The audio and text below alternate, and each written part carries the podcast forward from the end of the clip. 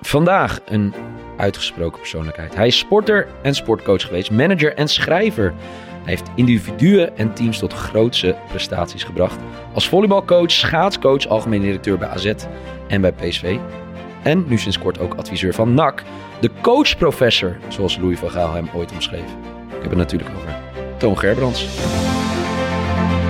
Al die dingen die je opnoemt, icoon, man van de club, allemaal, allemaal dat soort dingen. Ja, dat, dat heeft niks te maken met het absolute presteren. Dat is ook een raar eigenschap voor mij. Maar als ik vind dat jij niet deugt, dan ga ik je dat nu vertellen. Of, of straks op de gang hier. En dan ga ik niet via de band spelen. Iemand kwam een keer langs mij en die wilde met mij gaan discussiëren over de vraag: is leiderschap overdraagbaar? Daar heb ik heel lang over nagedacht. Daar heb ik al vier keer voor moeten hardlopen. Uh, en ik kwam erachter dat het antwoord nee is. Leiderschap is niet overdragen. Als je de, deur, de dag dat je de deur dicht doet, blijft er niks meer hangen voor jou. In zijn woonplaats. Gelderop. Ja, Gelderop. in een prachtig kasteel. Dank voor de uitnodiging in dit prachtige kasteel. Ja. Ja, ja, volgens mij is dit een inspirerende omgeving. En een rustgevende omgeving. Dus ik, jullie zeiden een beetje een mooie locatie. Ja, En dat is deze. heb je goed geregeld, Wilco. Ja, ik moet zeggen, Toon kwam hier zelf mee. Dus ik, ik denk dat we... Ja, het is echt inspireert. prachtig hier. Nee, het is echt prachtig hier. eh. Ja, je kan ook in de gewone zakelijke omgeving zitten. Maar we liepen net ook door de tuin heen samen. Ja, dan... Dat, jij neemt alles wel in je op. Je bent het bijna aan het verkopen. Zo trots ben je dan. Ja, ja, die mensen hebben een stichting hier. Dus die, die moeten wat geld verdienen af en toe. Maar je kan je ook trouwen. Dus ik weet niet of mensen willen trouwen. Maar een prachtige locatie. Nee, je zit hier vaak de laatste tijd. Ja, ik, eh, een van de dingen die ik op dit moment doe is eh coachgesprekken met mensen. Op individuele basis. En eh, nou, dan zit hij boven een bibliotheekje. En een prachtige tafel. Een inspirerende omgeving. Ik kan naar buiten kijken. Ze kunnen als het moet ook naar vijf minuten wandelen. En ik help daar mensen mee. Hey, en, en en wa- wat voor mensen komen op je af? Uit de sport of buiten de sport? De buitensport. Ja? Ja. En wat voor problemen of wat voor Ja, coaching eh, vragen die mensen? Het grappige is dat eh, ik heb geen website. Eh, ze hebben mijn nummer niet. Dus ze moeten ook hun best doen om mij nog te vinden. en te kijken of ik dat wil. Want het hangt voor mij 100% af van de vragen die ze stellen. Ik ben niet zo iemand die gaat zitten dat ik alle problemen kan oplossen. Ik wil weten wat hun issues zijn. En dan kan ik kijken of ik iets voor hun kan En op betekenen. welke vragen kun je antwoord geven? In welke hoek moeten die liggen? Waar ligt jouw kracht dan? Nou, het moet niet te veel op specialisme gebaren zitten. Dus er zijn mensen bij natuurlijk eh, in helemaal in de financiële wereld zitten en daar het niet meer uitkomen. Ja, dat moet niet bij mij zijn. Maar op menselijk vlak, coachingvlak, leiderschapsvlak. Maar het gaat eigenlijk alleen maar om mijn eigen problemen. Maar- dat is elke keer de kern van het verhaal. Heb je, heb je er dus bewust over nagedacht geen website te maken? Dat als mensen je echt willen bereiken, dat ze daar extra moeite voor moeten doen? Ja, Daar heb je bewust over nagedacht? Ja, dat is meestal. Hè? Dat, ja want eh, ik, ik bied niks aan. Het is een vraaggestuurde aanpak. Zij hebben een vraag en ze komen bij mij. En anders zou ik dus een aanbod doen. En dan met het aanbod gaat iedereen zeggen, dan moet ik me ook gaan verdedigen enzovoort. Dus ik, eh, dat, op die manier doe ik het dus niet. Dus ik, eh, ik zeg tegen mensen, luister, we spreken vier keer af. Ik maak geen contract. Je moet vooraf betalen. En als het misgaat tussendoor, krijg je de helft terug. En eh, anders moet je het niet doen. Ik hoorde ook net, coach-professor noemde Louis van Gaal je. Wat zou hij daarmee bedoeld hebben? Professor is echt het hoogste van Nou, hoogste. nee, ik denk dat ik weet wat bedoelt. Kijk, ik, ben, ik, ik lees nogal veel boeken, ik ben geïnteresseerd in dingen enzovoort. En hij heeft dat niet.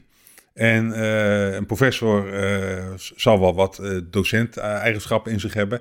En hij profiteerde, durf ik wel te zeggen, ook van mij. Doordat hij geen boeken las, maar dan wel aan mij vroeg, wat staat erin, wat kan ik ervan leren? Dus op die manier ging dat. Neem ons, zometeen gaan we naar wat stelling, maar dit is wel heel boeiend natuurlijk. Louis van Gaal, onze bondscoach, gaat naar Qatar. Ehm, neem ons eens mee hoe jij daar nou leiding aan geeft, want Van Gaal laat zich toch niet leiden? Tuurlijk laat zich leiden. Iedereen laat zich leiden. Alleen je moet je interesseren in de mensen die tegenover je zitten en waar je mee werkt. Kijk, ik zal één ding erover roepen. De kracht van Louis van Gaal is de intuïtie.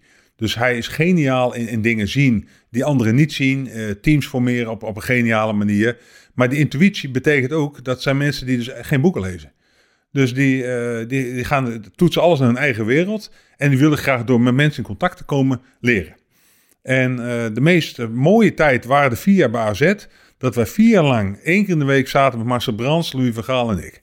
En dan moet je kijken wat er om tafel zit. Er zit een topcoach aan tafel. Er zit een echte voetbalman aan tafel die eh, heel verstand heeft van scouten en van eh, dus Marcel Brands en een topsportman. Eh, en, nou, en dat, die drie, ja, dat, als je daar opnames van had gemaakt. Dat Waar was- ging dat over? Want het ging niet altijd over de opstelling. Ja, nee, natuurlijk niet. Over alles. Wat heeft Van Gaal ervan geleerd, denk je? Ehm, nou ja, kijk, één, één ding kan ik wel vertellen op een gegeven moment. Hij ging op een gegeven moment naar de wereldkampioenschappen voetbal. En ehm, toen zat hij mee te, te praten over het een en ander. Toen zei ik, ik zeg, wa- wat is de doelstelling? Nou, hij wilde wereldkampioen worden. Ik zeg maar, dat is goed, zei ik tegen hem. Ik zeg, want een doelstelling in een toernooi is altijd oneven. Derde of eerste. Of vijfde als je Olympisch speler bent. Ja. Dan win je de laatste wedstrijd namelijk altijd nog Ja. eventjes. En eh, dus wat gebeurt er? Ik, ik was net bij PSV begonnen. En eh, zij verliezen de halve finale op de WK. Hij gaat bij die persconferentie zitten. En hij zegt daar, en eh, ik, ik sliep toen al, eh, ik had niks gehoord. Eh, toen zei hij, mijn goeroe, noemde hij mij, Toon Gerbers, heeft gezegd, de doelstelling is oneven. Dus ik moet nu met die man aan de bak om te kijken of we de derde plaats nog kunnen gaan, gaan, gaan winnen.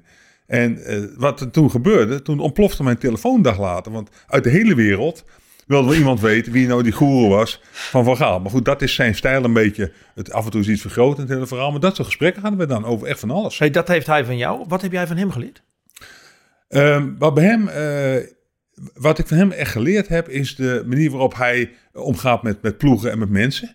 Ehm, hij is, eh, wat ieder gezin doet, eh, direct dingen benoemen in een veilige omgeving. Eh, en eh, daardoor krijg je een soort sfeer dat ze allemaal met hem weglopen. Ik durf te zeggen, 90% van de mensen met hem gewerkt hebben, uitermate positief over hem zijn. En de oordelen zijn over de persconferenties in Nederland. Maar als je de buitenkant ziet, hè, eh, we zitten nu net na de, de afgelopen interlands die we meegemaakt hebben, andere, tegen Polen en België. Aan de buitenkant zien wij altijd een man die op zijn fluit en heel direct, disciplinair. En jij zegt aan de binnenkant, voelen mensen dat niet zo zoals wij dat zien. Hoe weet hij dat dan te managen, te verbergen? Nou, hij beschermt zijn groep. En eh, als, je, met- als je met Van Gaal gaat werken, dan betekent dat de, de spelers het makkelijk hebben. Want hij vangt alles af, hij vangt alle klappen op en hij beschermt zijn familie. Als ik het op mijn manier dus zet. Kijk, en het wonderlijke is dat, eh, kijk, hij heeft nu Pieter Murphy gebruikt, kort geleden, om al die keepers te analyseren. Nou, die, Pieter Murphy is de man van eh, MBTI en, en typing, profielen maken. Ja. Dat is mooi, want eh Louis van Gaal heeft ook een profiel.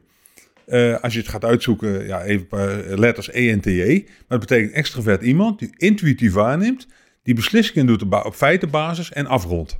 Om even die vier op een rij te zetten. En Dat is Louis van Gaal. Ja, en die twee middelste letters, eh, die komt zelden voor, alleen bij hele grote leiders. Intuïtieve denkers die de genialiteit zien van dingen die ze zelf in hun eigen wereld toetsen, maar die koppelen dat aan feiten. En dat is een moeilijke verhaal. Want je zegt het komt weinig voor. Heb je voorbeelden van andere leiders? Eh, nee, ik heb, de, dat, nee, ik heb vanuit, sport eh, bekeken. Ja, dan moet ik gaan kijken. Dan ga je misschien naar echt grote leiders in de wereld eh, Ja, ja. zoeken ergens. Maar eh, nou, de, degene die bijvoorbeeld... maar die doet dat weer op een andere manier, omdat dat gevoel daar een rol bij speelt. Dus dan heb je intuïtie en gevoel. Is bijvoorbeeld de man als Trump. Die eh, intuïtief allemaal dingen roept, doet eh, en beslist. Om even wat te roepen. Ja. Eh, en op basis van alles reageert. Dus dan heb je intuïtie en gevoel. Dat is nog een beetje met elkaar te brengen. En hij roept dat ook extravert en met afronden. Nou, dan krijg je dit soort praat van, van, van zo'n man. Maar dus die profielen. Maar hij heeft dus Murphy erbij betrokken. Omdat hij weet dat hij aan de hand van de manier van bewegen... de manier waarop mensen coachbaar zijn enzovoort... Dat, daar kan je voorkennis uit halen. En eh, dat is eigenlijk een beetje, als ik het heel ondiplomatiek zeg... een beetje hacken van mensen. Ja. ja, ik vind het heel interessant. We gaan zo naar jouw stellingen. Eh, we hebben het vaker gehad over driehoeksverhoudingen binnen voetbalclubs. Ik kan me voorstellen, je zegt eh, Marcel Brands, Toon Gerbrands, Louis van Gaal... dat je elkaar ook moet leren kennen. Wanneer ha- had je al snel het gevoel... er is vertrouwen tussen deze drie, dat we alles kunnen bespreken? Of moet je eerst dat vertrouwen bij jou winnen... of bijvoorbeeld bij Louis van Gaal winnen? Nou, in deze driehoek was het wel heel bijzonder, want eh, de gesprekken om liever gaan aan Z toe te halen gebeurden met Marten van Geel en met mij. Ja, En ehm, mijn voordeel was dat eh Truus, Truus van Gaal, die eh, heeft jaren bij de hoofdsponsor gewerkt van de Volleybalbond. Nationaal Nederland, Ja. toch? Ja. En daar deed zij ook het volleybal. Oh, En ehm, zij, zij, zij kende mij dus, eh, wie ik was enzovoort. Dus ik hoef me daar niet voor te stellen. En ehm, dus zij had het volleybal helemaal gevolgd. En zij had in ieder geval, durf wel te zeggen, goede indruk van mij. En het was, was heel mooi. Eh, wij gingen op gesprek. Eh, want ja, na uh, Koanus ging weg, toen stelde ik de simpele vraag, wie is de beste? En toen riep iedereen Van Gaal. Ik zei, nou, dan gaan we die bellen. Maar toen riep iedereen, ja, maar wat moet, ah, wat moet Van Gaal bij AZ? Ik zeg, dat weet ik niet. Ik zeg, eh, hij moet ons verder brengen, maar we kijken hoe hij reageert. Dus eh toen hebben we gebeld. En het eerste wat hij zei, ik dacht wel dat hij zou bellen. En toen zaten we drie dagen later zaten we daar in, eh, in Barcelona. Want daar, daar zat hij toen nog. Alle gesprekken, voor alles voorbereid en, en gedaan. En eh, nou, hij vond dat heel bijzonder. Over de visie die er al was, de duidelijkheid. Hij had zelf ook twintig vragen, die kon we allemaal beantwoorden. Mhm. En, ehm en zat een beetje op de achtergrond te luisteren. Een boek te lezen. Alleen ik zag wel dat er geen één bladzijde werd omgeslagen. Dus die, die, die, die toets staat ook een klein beetje van... Scannen eh, wat er Klopt gebeurt. het? En Ja. eh, een beetje hoe het in elkaar steekt. Dus ik... Dus op die manier is dat, is dat toen gegaan. En daar groei in, in zo'n relatie. Alleen het mooie was hoe duidelijk je bent met de visie bij Van Gaal. Hoe makkelijk het werk is. Want hij was gewend directeur te zijn eh, en hoofdcoach. Dat was in die tijd eh, een combinatiefunctie. bij, bij Ajax was hij dat en bij Barcelona was hij dat. En toen vroeg hij ons, en was jullie visie? Ik zei, ja, bij ons staat de directeur, de directeur, boven de hoofdcoach. Hij zei, is dat onderhandelbaar? Ik zei, nee. Hij zei, oké, dat is duidelijk. En wat er toen gebeurde, want ik kneep toen nog een beetje toen Maarten van Geel wegging en wij geen technisch directeur hadden op dat moment. Dat was op de eerste dag dat verhaal begon. En toen, ik denk, nou, kijken wat hij roept. En toen zei hij op een gegeven moment, nee, dit is jullie visie, zo gaan we doen. Ik zei, maar ik heb geen directeur. nou ja, dat is mijn probleem niet. Ik ga trainen. ik zei, mag, mag ik af en toe advies vragen? Ja, dat mag, zei hij. mag advies vragen. En daar liet hij bij mij ook over. Maar dat is dan ook van Gaal. Duidelijkheid, structuur. Maar ik, wat ik ook wel mooi vind in jouw verhaal nu, en, daar hebben wij het ook wel eens vaker over gehad. We hebben ook natuurlijk tijdens jouw carrière, mijn carrière in het voetbal veel geklankt. Die duidelijkheid vooraf, of dat nou met een speler is of een trainer, daar zit daar heel veel in van het succes wat je later kan bereiken? Bijna alles. Ja, leg het eens uit. Wij hebben het er heel vaak over gehad. Ik vind het altijd wel boeiend. Of met een moeilijke speler, of met een trainer. Waarom het succes daar gemaakt wordt, wat jij vaak zegt. Nou ja, kijk, luister. Als je ergens gaat beginnen, en ik laat me even mezelf betrekken, omdat die podcast over leiderschap gaat. Voordat ik bij PSV begin, heb ik tien uur vergadering met de Raad van Commissarissen. Twee keer vijf uur, waar echt alles wat beheersbaar is, wordt besproken. En die lijkt wel een keer gek voor mij om maar zo te zeggen. Maar ook hoe beslissingslijnen lopen, welke bevoegdheden voor mij waren, hoe de cijfers ervoor stonden. Nou, er was financiële herstructurering geweest, althans dat zeiden ze dan tegen mij. En vervolgens bleek er 50 miljoen schuld nog open te staan. Ik zei, moet ik die dan terugbetalen? Ja, is oké. dus we beginnen met 50 miljoen die we ergens moeten verdienen op het, uh, op het hele was. Maar dat was tijdens die 10 uur, is dat niet naar voren gekomen? Dat is ja, laat? dat is tijdens die 10 uur. Oh, dat is wel, oké. Okay, Tijdens 10 uur. En daarna ga ik pas nadenken of ik het doe. Ja. En dat, dat vonden ze echt frustrerend. Want toen zei ik, ja, we hebben 10 uur vergaderd, we kunnen weer het contract hebben. Dus nee, ik ga nu eerst nadenken over de laatste vijf uur. Of dat nog wel past, of, of ik er wel pas, enzovoort. En de meeste gesprekken die, die plaatsvinden, die, die zijn maar in een, uh, in een uurtje of twee uurtjes. Of uh, iemand, ze kennen iemand zogenaamd. En dan denk ik, nou, die moeten we hebben. Kijk, ik heb daar ook heel veel van geleerd van, van Robert van der Wallen. Die een bedrijf opbouwt van, eigenlijk van, van scratch aan. Totdat hij het uiteindelijk verkoopt voor, uh, zeg maar, 700, 800 miljoen is de quote maar geloven. Ja. Um, dus toen zei ik, ik hoe is het bedrijf succesvol geworden? En toen had hij het over cultuur. En toen zei hij, voor absolute topfuncties maken we een heel duidelijk profiel. En dan gaan we echt heel veel gesprekken aan. Dat wordt misschien wel eens een keer gek van ons. En als we dan denken dat het degene klopt, ging je als 24 uur met iemand op pad. En uh, met maar één doel, om te kijken wie iemand in zijn irritatiezone terecht kwam. En hij, als dat zo was, dan zei ik ook eerlijk aan het eind van de dag, dit doen we dus niet. Want als we nu al in een irritatiezone terechtkomen, dan staan ze voor echte uh, gevechten gaan, uh, gaan, gaan, gaan komen. Dus uh, ik begrijp dat wel. Dat is allemaal voorbereiding. Mm. En allemaal leren kennen. En je kan niet alles uitsluiten in het leven. Maar wel heel veel. En ja, we hadden net over Louis van Gaal. De gesprekken die hij met spelers uh, van tevoren had, zijn echt legendarisch. Ook als je spelers dan nou terug hoort komen uit zijn kamer. Dat, uh, dus als jij dan spits bent, uh, dan vraagt hij welke positie wil je graag spelen. Ja, spits, oké. Okay. En stel dat, dat ik iets moet omzetten, ben je dan bereid op rechts te spelen. Ja. En als iemand zegt, nee, ik ben niet bereid rechts te spelen, dat is oké. Dus dan moet ik jou nu afweren, alleen de spits. Dus weet even, als ik dat te weinig vind, dan kan ik zeggen de directie nee.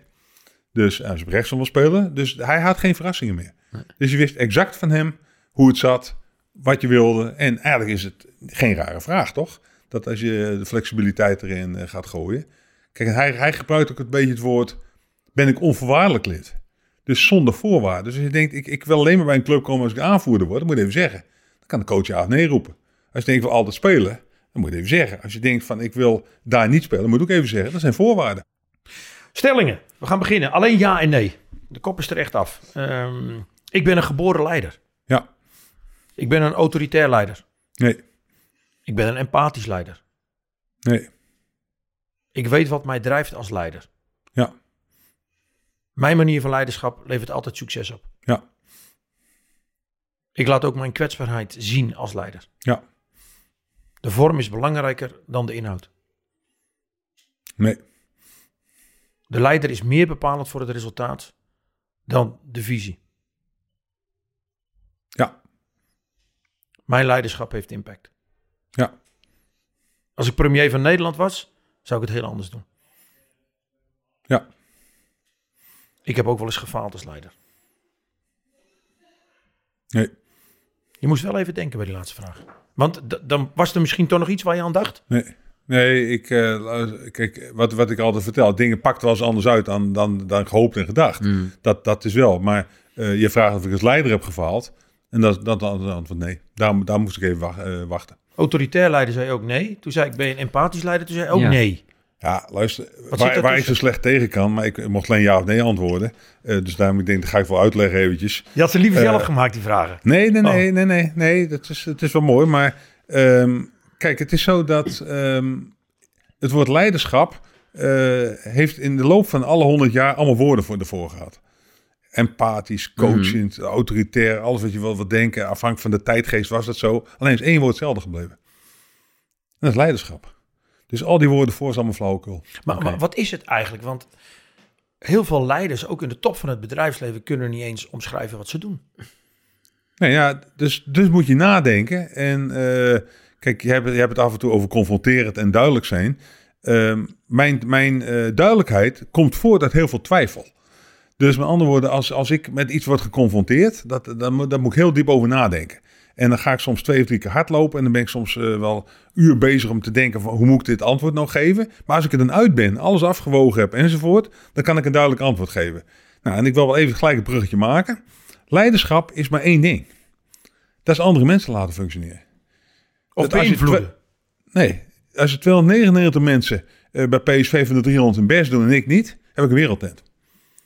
En dat realiseren bijna alle leiders zich niet. En want ik ga er één ding aan koppelen, meer kan ik ook niet over vertellen. En dat is voor mij de basis van leiderschap. Als je dat dus vindt, dan moet je dus heel veel tijd over hebben om al die mensen te helpen. En deed je dat? Ja.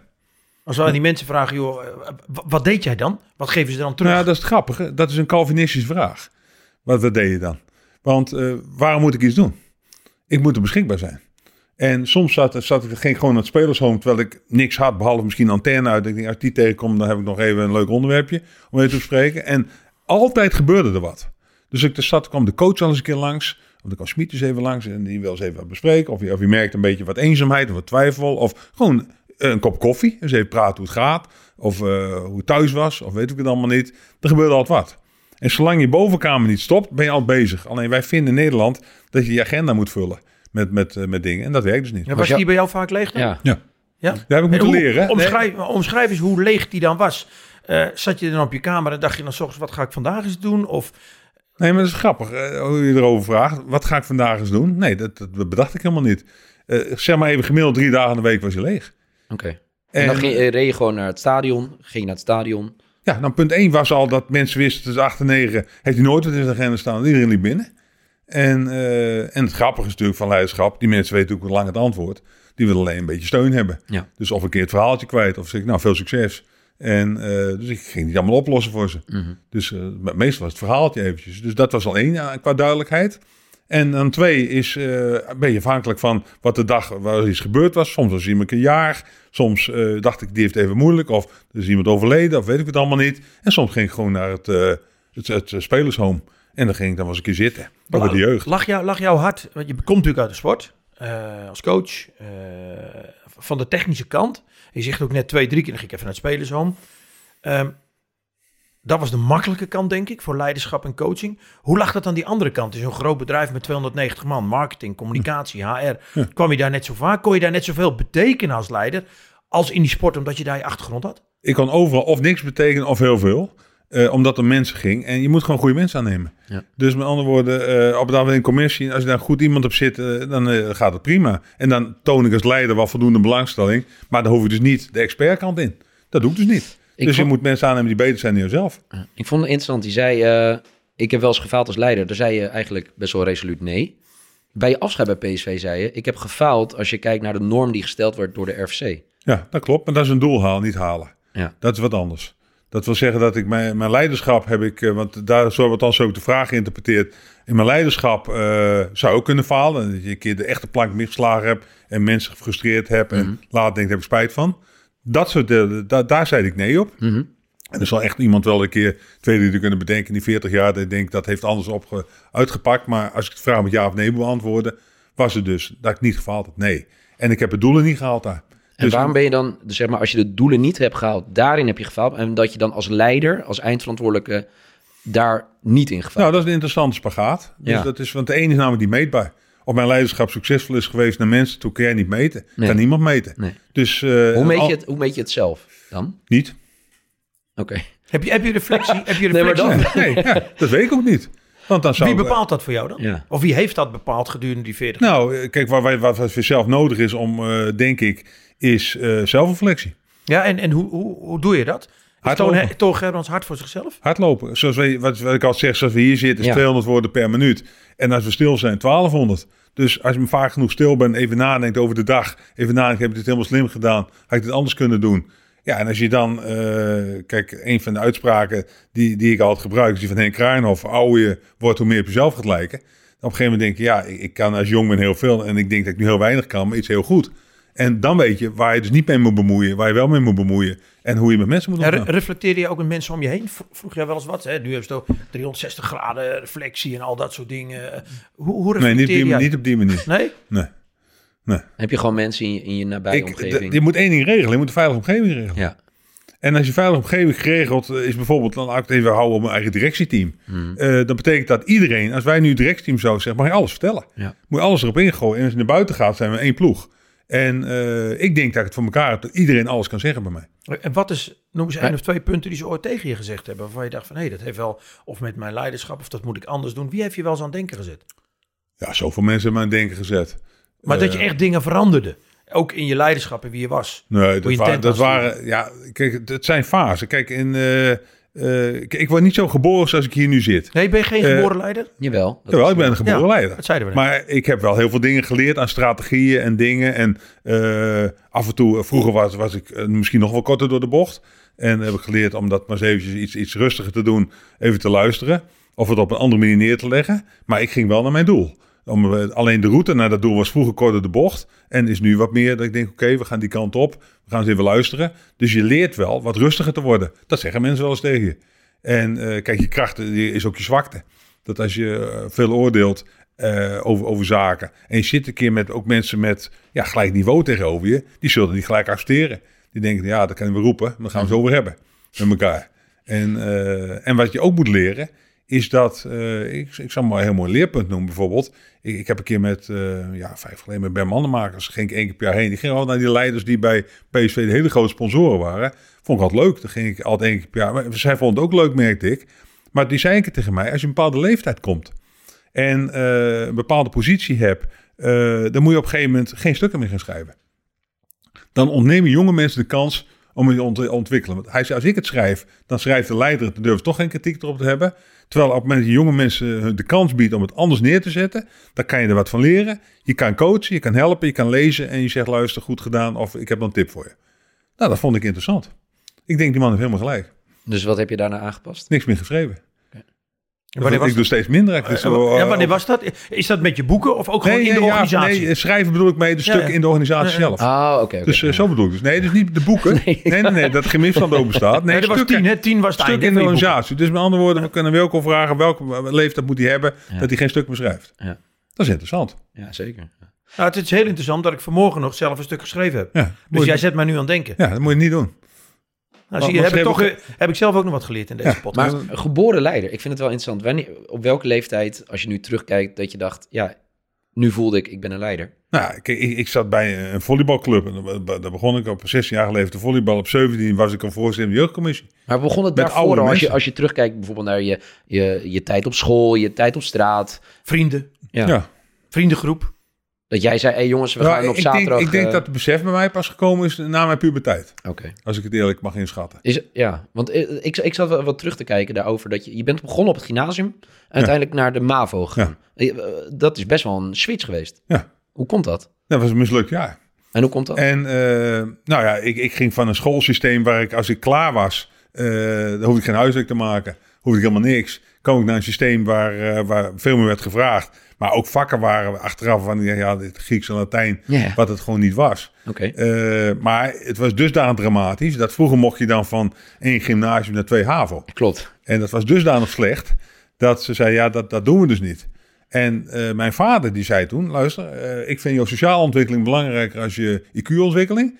Dus je gaat gewoon ergens naar een tweede klas, zodat je eh, niet met echt jongere mensen nog een keer een jaartje gaat, gaat oppakken. Maar nou, dat werd MAVO. Mhm. Maar het was ook de, de laatste keer. Ik, heb, ik kan zo verschrikkelijk goed leren, om het zo te zeggen. Oh, echt? Ja, zeker. dus het ene jaar wat mislukt was alleen die. Ja. Daarna heb ik eh, alles met me- mega cijfers gehaald. Ik heb de HTS gehaald met een half uur per, per dag eh, leren, eh, om even te roepen. En ik heb daarna nog akoestiek gestudeerd in, in Antwerpen en dat soort dingen. Allemaal van een leien dakje. Nooit meer problemen gehad, één jaar. Maar komt het dan ook dat je daarna, eh, zeg maar, die, urgentie hebt gevoeld door dat verloren jaar of door dat jaar Nee. waar het niet liep? Dat Nee. heeft nooit effect gehad op beslissing nooit, of iets. nooit effect gehad. Nee. Nee. Het heeft ook, ook nooit gevoeld als was gewoon een Ik teleurstelling. wou net zeggen, ja, dat voelde niet als een nederlaag voor je. Nee. Nee.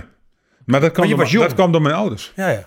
Dus eh, ik, als, je- als je bij ons het, eh, die ouders, mijn, mijn vader bijvoorbeeld kende, die was in die tijd, eh, als je dan, eh, ik zal twee voorbeelden geven, als je dan bleef zitten, dan moest je vroeger met je rapport langskomen in de, in de straat. En dan kregen de mensen die bleven zitten twee keer zoveel geld als degene die, die overging. Want hij vond dat, ja, hij had ook zijn best gedaan. Ook nog eens een keer de tegenslag van blijven zitten. En dubbel geld.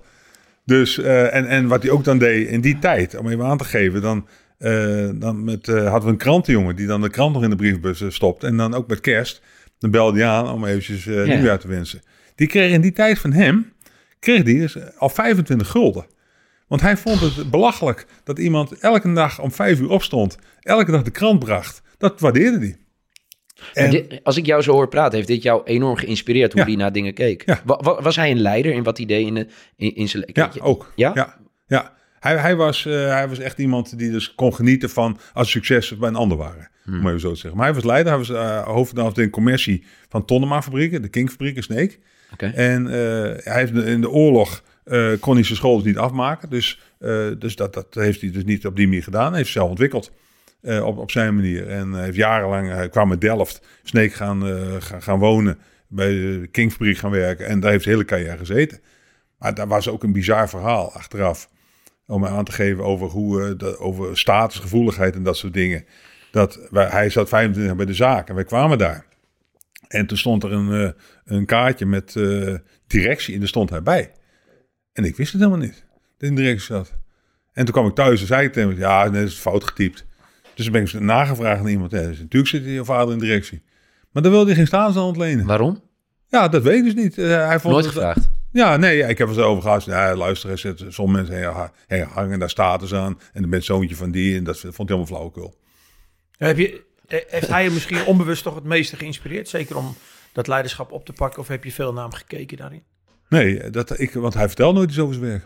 Nee, maar zijn daden bijvoorbeeld, ik zie je wel een paar keer echt, ik zie een twinkeling in je ogen over bijvoorbeeld wat hij vertelde als mensen bleven zitten. Dat was dus met een voorbedachte raden, dat hij die mensen dus extra geld gaf. En dan zie ik een twinkeling Ja. in je ogen, dat je gefascineerd bent door die gedachtegang. Ja, buiten de box denken. Juist. Ja, dat klopt. Dus hij heeft je wel En op een bepaalde toen- manier aan het denken gezet, ook misschien toen al, dat je dacht, Ja. huh?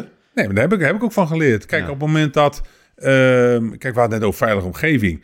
En eh, het meest succesvolle punt van, van, mijn, van, eh, van mijn opvoeding... was mijn dochter, die had een keer cannabis gerookt. En die ging dat de volgende vertellen.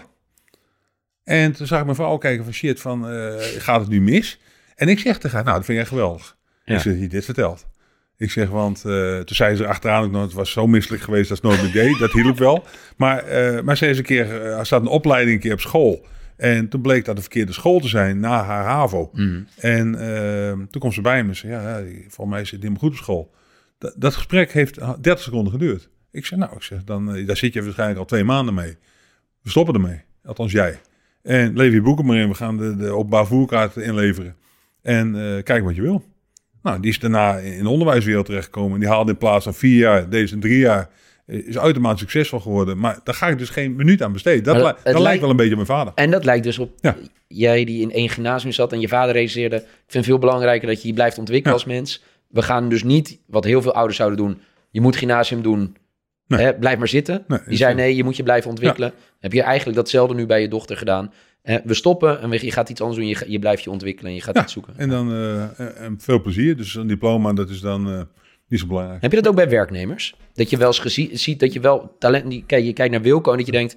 Wilco is heel goed, maar zit niet op zijn plek. Die moet iets anders gaan doen. Dat je mensen gewoon... Ik vind sowieso dat mensen te lang bij een organisatie blijven. Ja? Dat is, dat, is ook, dat is ook wel eens confronterend. En als je dat als directeur zegt, dan, dan denk je zelf, van, ik vlieg eruit en, eh, en normaal is maar of je kan bedenken. Maar dan zeg ik, ja luister, ik vind dat iedereen na drie, vier jaar ergens anders moet gaan werken. Maar ook al is maar te kijken of het gras hier niet groener is of ergens anders. Of jezelf te ontwikkelen. Of een keer, kijk, als het dan helemaal misgaat bij een afdeling. zeg ik, nou, nu kan je laten zien hoe goed je bent. Ja. Punt. Dus, dus, dus dat is een andere manier van benaderen. Heb jij mensen ook wel eens zo benaderd? Net wat Niels zegt, dat je zegt van je moet eigenlijk nu weg. Hele goede mensen in je ja. organisatie. Bijna iedereen. Ja? Ja, bijna iedereen. Zijn ze ook gegaan? Nee, En wat is dat dan? dat angst en, en eh, lifestyle en eh, veiligheid. Ja, die mooie auto voor de deur, het mooie huis en dat niet durven loslaten? Ja. En daar heb jij gesprekken over met je mensen? Ja, en, dan, eh, ja, en ik, heb, ik heb zelf natuurlijk, eh, ik kan het makkelijk roepen vanuit voorbeeldgedrag.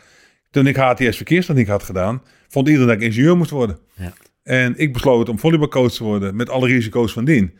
En eh, iedereen raadde me ook af. Dus eh, ja, misschien heeft het allemaal daarmee te maken. Maar dan, dan, dan begin je al je eigen leiderschap te Mm. ontwikkelen. Eh, je eigen koers te bepalen. eh, tegen de stroom in eh, dingen te, te, te gaan doen. En eh, ja, uiteindelijk eh, pakt dat volleybal achteraf goed uit. Ik ben, hoe interessant eh, de, de, stelling, ik ben nergens ontslagen ooit in mijn leven. En eh, dan kan je zeggen, daar kan ik prat op gaan. Maar je kan ook zeggen, ja, je hebt veilige keuzes gemaakt. Of je was te goed voorbereid, of weet ik het allemaal niet. Of je hebt geluk gehad. Alles, alles is misschien een beetje waar in het hele verhaal. Maar je zegt net iets moois. Misschien heeft dat een beetje vragend naar jezelf kijken, naar je knieën. Misschien heeft dat allemaal wel met elkaar te maken. Eh, net over je vader ook. Halen we toch heel veel dingen op. Wat Niel Zeker. vraagt, wat je eigenlijk gevormd heeft. Heb je het wel eens over nagedacht dan? Hoe dat nou gekomen is dat jij bent zoals je nu bent? Nee, ja, Maar, behalve... maar nu ben je aan het denken. Dan denk ik, oh, mijn vader heeft toch wel wat gedaan. Eh, ja, die, die Ja. keuze die ik toen heb gemaakt. Maar dat En- verhaal van mijn vader heb ik eens in een interview wel eens een keer eerst verteld hoor. Dus, ik, eh, dus het is niet zo dat ik daar nu in één keer nu Nee, ik ben op zoek naar de cruciale fases. eh, Die zijn er niet. Dat, dat je we- stappen hebt gemaakt. Ja, dat, dat is zo belangrijk, Ja. die les. Maar nee, maar mensen die proberen dat te versimpelen allemaal. Nou, het is En meer die- ook de lessen die misschien een ander kan pakken van je. Ja, nou, ik heb heel veel boeken geschreven waar ik dingen, allemaal dingen deel. Over waar, waar ze iets mee, mee kunnen hebben. Natuurlijk leer je van mensen. Eh, ik heb vroeger als coach wel eens een keer wel excuses gebruikt. Als het gaat over verkeerde scheidsrechter enzovoort. Dat leer je wel af. Na een tijdje. Maar hoe, hoe leer je dat af dan? Nou, doordat mensen het tegen zeggen. Ja. Dus dan heb je iemand nodig die je tegenkomt, die je tegen je zegt. Tuurlijk, tuurlijk. Ik heb, ik heb heel veel mensen geleerd. Ik heb me altijd heel erg opengesteld. En de drijfveer, want dat was ook een van de vragen. Mijn drijfveer is alleen maar mezelf ontwikkelen en verbeteren. Ja. En dat begint bij je heel erg openstellen voor heel veel meningen. Ja, want hoe heb jij, hè, als, als, als jonge managers nu luisteren, hoe heb jij je ontwikkeld dan tot wat je nu bent? Die zegt, ja, luisteren. Heb je mensen gewoon zelf opgebeld, ben je ze gaan zoeken, Ja. ben je ze tegengekomen? Hoe heb je je ontwikkeld? Ja, nieuwsgierig, gewoon opbellen. Maar alleen het leuke is van, eh, als mensen dan deze podcast luisteren en denken dan van verrek, dat ga ik ook doen. Dat werkt dus zo niet. Want? Want ik moet eerst kijken wat, wat, voor karakter iemand heeft. En als iemand intuïtief is, gaat hij het niet doen. En eh, dan gaat hij veel meer met zichzelf bezig en met, met, met een aantal mensen praten in zijn eigen omgeving. Maar eh, ik zocht altijd, als er dan in de krant een artikel stond, wat Leo van den Burg was dat, die dus schreef van hoeveel procent kan ik veranderen aan mensen. En nou, dat was 1 of 2 procent. En die man heb ik gewoon gebeld. Die woonde ergens in de buurt van Deventer. Ja. En eh, die nam ook op. En ik zei, mag ik daar zo over komen praten? Want dat vond ik een interessant iets, wat hij, eh, wat, wat hij bedacht had. En eh, nou, zo ben ik met hem aan de, aan de praat geraakt. Hij heeft later bij AZ, bij Louis van Gaal nog een nodig gedaan. Op de achtergrond, dat weet bij niemand. Wat dan? Nou, hij, hij hielp in eh, Louis van Gaal ook leren mensen te kennen. Of wat kan ik veranderen mensen? Ja, want hij heeft het over menskunde, Ja. Leo. Nee, dus dat is, eh, kijk, het is interessant dat. eh, ik, ik zal een heel klein voorbeeldje geven waar we al moet lachen als ik, als ik over hem denk. Dat hij deed onder- ook onderzoek bijvoorbeeld naar, eh, naar mensen en eh, over koken. En toen zei hij, luister, er zijn twee manieren waarop mensen koken in de keuken. Eén, die maken er voor hun gevoel een grote chaos van, laten alles staan. Enzovoort. De andere ruimen gelijk elk potje gelijk op. Nou, wat hij dan uitlegde tegen mensen die dan wat, wat problemen hadden in huwelijk, dat ze dan nooit samen moesten gaan koken. Want dat leidt tot irritaties. Dat, eh, dat, dat soort praktische dingen. Hij zegt, ja, mensen zijn 15 jaar van hun leven bezig speelgoed, te- kinderen te leren speelgoed op te ruimen. Hij zegt, is kansloos. Hij zegt, laat de kinderen spelen. Ruim zelf vijf minuten het eind van de dag op. Je hebt een leuke leven. En laat de kinderen gewoon hun gang gaan. Ja, dat was ook Leo van den Burg. De Maar- buitenkant van mensen laat de binnenkant weg, zei hij ook. Dat vond ik ook wel een, een, een- Nou ja, het- over persoonlijke kwaliteiten in het verlengde daarvan. De buitenkant van de mens laat de binnenkant weg. Ja ik, ik weet niet precies wat hij daarmee bedoelt, zal ik eerlijk zeggen. Eh, ik, ik heb... Ik heb, ik Nou, heb het ging om talent en eh, om persoonlijke Ja. kwaliteiten. Dat die natuurlijk aan de binnenkant zitten. Hè? eh, Intuïtie, maar ook energie. Ja. Talent. Nou Talent heb je. En, en dat... Ja, hij, hij zei ook heel simpel. Ja, er bestaat echt geen cursus om iemand introvert te krijgen als je niet bent. En als je geordend bent, krijg je niet ongeordend. Dus met andere woorden, die cursussen bestaan niet. Dus accepteer nou wie iemand is en zet hem op de goede plaatsen in. En hij maakte daar profielen en dat is mooi. Daar waren mensen als boos over die profielen. En dan zei hij, nou, ze veranderen het maar.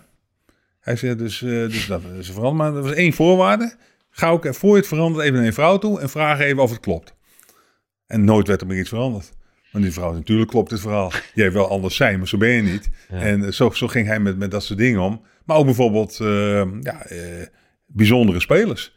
Met andere woorden van, wij hadden uh, Mounir El Hamdoui. En dat, dat is iemand, een introverte jongen, intuïtief, gevoelsmatig. Ja, met Van Gaal Eh, gaat dat niet, denk ik dan. Ja, nou, dat was interessant wat in die periode gebeurde. En eh want Louis is toch van, eh, van, de, van de patronen en duidelijk en enzovoort. En hij vertelde me ook eens, luister, dat soort type spelers moet je in de vrije rol houden. Dus, eh, en als hij vrij laat, gaat dat goed. En dan eh verliest hij wel eens een keer de bal. En, eh, maar hij kan ook geniaal zijn en het extra voor je brengen. En toen was een mooie uitspraak. Toen zei, eh, toen zei hij op een gegeven moment, luister, en dan moet je kiezen tussen hem of opstellen of op tribune. Niet op de bank. Nee. Want dan, dan heb je een soort compromis, zei hij. Hij zei, of je gelooft in hem en dan accepteer wie die is. Of, je of je moet gelooft niet in. Ja. Maar niet eh, denken van, verrek, ik heb nog een kwartier nodig en dan mag je mij gaan redden. Ja. Dat soort discussies hadden we met hem. Maar wat ik interessant hieraan vind, want hij is, en dat is denk ik niet, eh, ik weet jouw kantoor nog bij AZ, daar hing dus geen foto van meneer El Hamdoui, maar van Ragnar Klavan die een bal van de lijn haalt in het kampioensjaar. Toch? Ja. Ja, dus dat, dat vond ik heel mooi altijd bij jou op kantoor. Maar als je het verschil ziet, eh, eh, als we het over dezelfde speler hebben en misschien benadering, maar zijn rol binnen een team, hoe dat in één seizoen kan veranderen van het kampioensjaar en vervolgens onder de nieuwe trainer. Ja. Hè, het, het was de sterspeler, hè, Ronald Koeman kwam toen. En dan heb je het dus weer over karakters, hoe mensen met elkaar om moeten gaan. Ja, hij ging toen naar Ajax, naar Frank de Boer. Nee, maar hij was eerst nog bij jullie. Ja, heel, heel kort. Nou, nou hij kort. heeft nog een seizoen nog bij jullie gespeeld. Nee, nee. Is die in de... hij is... eh, hij heeft dat Champions League jaar nog oh bij jullie gespeeld. Ja, dat klopt. Nee, je klopt. hebt gelijk. Ja. En, maar wat, wat ik interessant vond te zien, omdat iedereen prees van Gaal voor de rol die hem gaf Ja. hè, in het kampioensjaar. Nou, toen kwam er een nieuwe trainer, die probeert dat dan ook. Maar dan zie je toch dat er een hele andere dynamiek ontstaat. Dan vind ik wel interessant of jij dan ziet, oké, de dynamiek verandert, hoe je daar dan mee omgaat. Nou ja, kijk, de belangrijkste, een van de interviews waar ik, eh, iemand kwam een keer langs mij en die wilde met mij gaan discussiëren over de vraag, is leiderschap overdraagbaar? En dat is een van de onderwerpen, daar had ik geen antwoord op als ik praat over twijfel. Denk ik, ja. Ja. is het overdraagbaar? Ik weet het niet. Dus daar heb ik heel lang over nagedacht. Daar heb ik al vier keer voor moeten hardlopen. Eh, en ik kwam erachter dat het antwoord nee is. Want, Leiderschap is niet overdragen. Als je de, deur, de dag dat je de deur dicht doet, blijft er niks meer hangen van jou. Dus ik zal even een klein voorbeeld geven uit de voetbalsport. We hadden Frank de Boer. En dan ga ik niet eens over verschillende typen leiderschappen praten. Ja. Die deed op zijn manier. Dan komt Louis van Gaal binnen. Mhm. Die met ongeveer dezelfde spelersgroep hetzelfde gaat doen. En na Louis van Gaal komt straks Ronald Koeman binnen. Eh, op de dag, eh, er zijn mensen bij die vinden Van Gaal prachtig. Meestal roep ik altijd een derde deel. Een derde deel vindt het helemaal niks. En een derde deel waait met alle winden mee. En op het moment dat de, dat de normen die jij als leider hebt neergelegd, die gaan op de dag dat jij de deur uitgaat, gaan die normen mee naar buiten. Nou, wat jij nu zegt is wel heel frappant. Hè? Dus de boer had de selectie en de verhaal had de selectie. Net hadden we ook in een van die stellingen. Is het de persoonlijkheid van de leider, van de coach of de visie? Dus is het de persoonlijkheid van de leider, coach of de tactiek die die meeneemt? Ja. Die visie kan ik bedenken. Ik kan een hele mooie visie bedenken en hem aan jullie overlaten. En als ik er niet zelf achter sta, dan kan blijken jullie dezelfde visie dat er niks van waar. Ja, dus de leider die bij een bedrijf binnenkomt is veel belangrijker dan die visie Ja. die er ligt. Ja, het mooiste is natuurlijk allebei. Ja. Want dat, dat bedoel ik met die gesprekken die tien uur moeten duren. Daar moet je het over hebben. Wat wil ik nou bereiken? Wanneer, waar word ik op afgerekend? Wanneer is sprake van succes? Hoe gaan we dat doen? Welke keuzes gaan we uiteindelijk maken? Ja, als dat met elkaar vast ligt en je hebt dan een goede leider erop, ja, dan gaan er mooie dingen gebeuren. Even nog eentje van Leo. Hè? Dat je een goede voetballer bent is eigenlijk geen verdienste. Hè? Dat talent geen verdienste is. Nee. Ehm, dat je een goede leider bent is eigenlijk geen verdienste. Kun je dat ook zeggen of Ja, niet? dat is ook zo. Ja? Ja. Dat ligt in het verlengde hiervan? De, de aanleg die je krijgt, en dat is ook eh, Leo van den Burg op zijn best, is daar word je mee geboren. Dat is gewoon beginnersgeluk. Dus met andere woorden, er zijn heel veel mensen die heel goed kunnen voetballen. Dat zit in je genen. Soms is, ben je een sprinter omdat eh voldoende snelle spiervels in je lichaam zitten. Eh, of ik nou geordend ben, ja of nee, heb ik geen cursus hoeven te volgen. Of ik extrovert ben, heb ik geen cursus hoeven te volgen. Dat noemt hij beginnersgeluk. Hij is, en dan begint het feest. maar jij hebt dus ook leiderschap. Dat is geen verdienste en beginnersgeluk. Waarom is het bij jou wel geslaagd en bij die ander niet? Omdat ik, eh, denk ik, gezien mijn mentaliteit, eh, de prijs op betalen. Maar wat is mentaliteit? Hoe je mentaal in de tijd zit, heeft ooit iemand me uitgelegd. Ja, en dat dus is... dat kan in de loop van de tijd kan dat ook eh, veranderen. Maar dat betekent dat, eh, kijk, als je, als je iets, we hadden net over het woord onvoorwaardelijk. Ja. Eh, als je dat onvoorwaardelijk wil doen, betaal je voor zo'n functie een prijs. Mhm. Dat gaat soms op het asociaal af. Maar wa- wa- wat voor prijs nou, betaal je? Nou ja, eh, alle verjaardagen, bruiloften en dingen ben je er Mhm. nooit. Want je moet training geven of je moet ergens weer bij aanwezig zijn. Of hoe het, het vraagt een deel van je tijd die niet vrij is. Ik, ik ben zeven keer in mijn leven verhuisd. Omdat ik vind dat je dus als je ergens werkt, dat je er ook woont. Zit daar een maximum aan, zeg maar, wat je kan vragen? Voor mezelf? Ja, nee, maar voor, voor bijvoorbeeld verjaardagen, eh, ga zo maar door. Nee, want eh, de regels van de topsport bepalen mijn keuzes. Is dat dan ook weer onvoorwaardelijk? Ja. 24-7? En, Heeft eh, dat- Ik doe het niet 24-7. Ik probeer het goed in te delen. Maar eh, als ik in het buitenland zit... eh, kijk, het is zelfs zo dat we... Ik kreeg voor elkaar en mijn familie na een jaar of tien... dat ze eerst gingen kijken naar het programma... wanneer de wedstrijden waren... En dan dacht ik, nou, dan kunnen we op zondag wel een feestje houden. Of als er zondag wedstrijd werd, op zaterdag gedaan. Maar dan kon ik weer niet zo lang blijven. Dus schoof weer een week op. Ja. Dus uiteindelijk past iedereen zich aan aan mij. De familie heeft veel concessies gedaan. Heb jij concessies gedaan in die tijd? Nee. Nee? Ja, ik ben eigenlijk, ja, ik ben eigenlijk egoïst. maar hoe, hoe lastig is dat als je, zeg maar, een gezin hebt? Nou ja, je, je hebt een topsportgezin. Ja. En eh, je moet het geluk hebben dat je dus eh, een partner hebt die daarin meegroeit. Eh, zo is het ook bij ons echt gegaan. Dus met andere woorden, eh, kijk, in de tijd dat ik uh, volleybalcoach was bij het nationaal team, eh, ja, dan, dan toen had in die periode geen baan. Want als er toen iemand ziek was, hadden we niet echt de kinderopvang die we nu hebben, dan moest er iemand thuis blijven bij, bij de kinderen. Dus dan kon ze wel een aantal uur werken bij een bakker, of weet ik het allemaal niet, om het, om het wat te organiseren, wat vrijwilligerswerk enzovoort. Maar dat was dan de prijs die betaalde. Ja. Moet jouw vrouw affiniteit hebben met jouw vak? Heeft Ja. ze dat gehad? Ja? Ja. En, en waar blijkt die? Ze zit niet naast je op kantoor. Ze gaat wel mee naar wedstrijden, weet ik. We komen Ja. elkaar vaak tegen. Waar, waar, waar blijkt die Ze affiniteit uit? Ze zit achter niet- Ja, dat heb ik ook gezien. Waarom is dat eigenlijk? Dat is niet in beeld komt. Oké, want daar, maar daar denk je bewust Bij over. na. elke tegengoal en bij elke raar eh, verhaal of een rode kaart kom je in beeld. Is er wel een keer een beeld geweest dat je het hebt veranderd of heb je dit voor of bedacht? Nee, dat vorige bedacht. Oké. Welke affiniteit moet ze hebben om met jou te leven en, en van jouw vak te kunnen proeven of te weten? Nou, ze, ze- zij moet die wereld snappen waar we in, in Hoe, werken. hoe doe je dat dan Om- met een vrouw? Nee, dat, dat, groeit mee in mijn geval. Dus zij is met, met volleybal eh, begon ik natuurlijk wat lager en dan werd het iets, iets groter. En uiteindelijk kom je in de Eredivisie en word je bondscoach. Daar beginnen alle publicitaire dingetjes, de kritiek. Mensen die bij een tafel willen gaan zitten als je verloren hebt. Dus je gaat heel snel eh, dingen leren. En als je over praat met elkaar, dan groei je daarin mee. Ja. Heeft ze dingen gezien die jij niet zag? Een vrouw heeft andere gevoelens. Zeker, Ja? zeker. En hoe Ja. zei ze dat tegen jou? Nou, die, die zijn, eh, eh, als we hebben over korte door de bocht, vrouwen zien als ze denken dat mensen niet deugen. Ja. En, terwijl Dat is toch echt bijzonder. Ja. ja, en als je dan in je organisatie werken, dan kan je, dan kan je denken, ja, misschien is wel gelijk, maar zo werkt het dan niet. Om de volgende dag iemand te roepen en zeggen, Nee. volgens mijn vrouw klopt je niet. Nee, Toch? Nee. Nee. Nou, wat ik een hele interessante vind en ook best wel een pijnlijke is dat bijvoorbeeld in, in moeilijke periodes, je hebt voor mij, eh, als ik het goed heb gelezen, een half jaar verzwegen dat je een kogel ooit eh, hebt ontvangen in je tijd bij AZ. Ehm, ik kan me voorstellen dat dan tijdens de be- befaamde hardloopsessies dat je hoofd dit ook meeneemt. Eh, wat moet ik hiermee? Eh, nou, als bedreigingen, eh, dat je kinderen soms niet konden zeggen Gerbrands als, achternaam. Wat is, voor je, is er ooit bij jou een grens geweest als er nog iets gebeurde dat je zei tot hier en niet verder?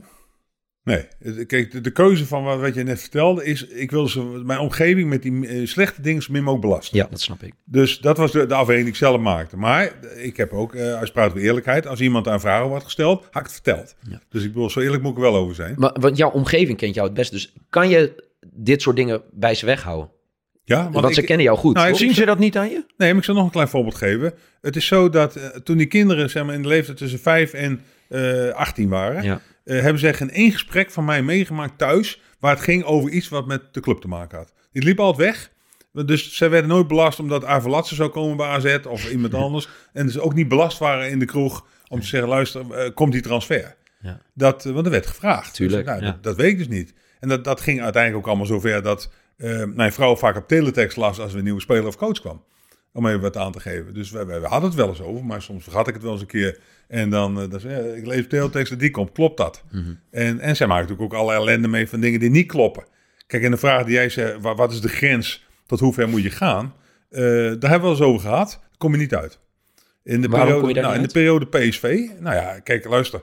Het, het, meest, eh, het onderwerp dat het meest weggedoken wordt in de voetbalsport is eh, de, de druk die zit op algemeen directeur en technisch directeur als het gaat om bedreigingen. Ja.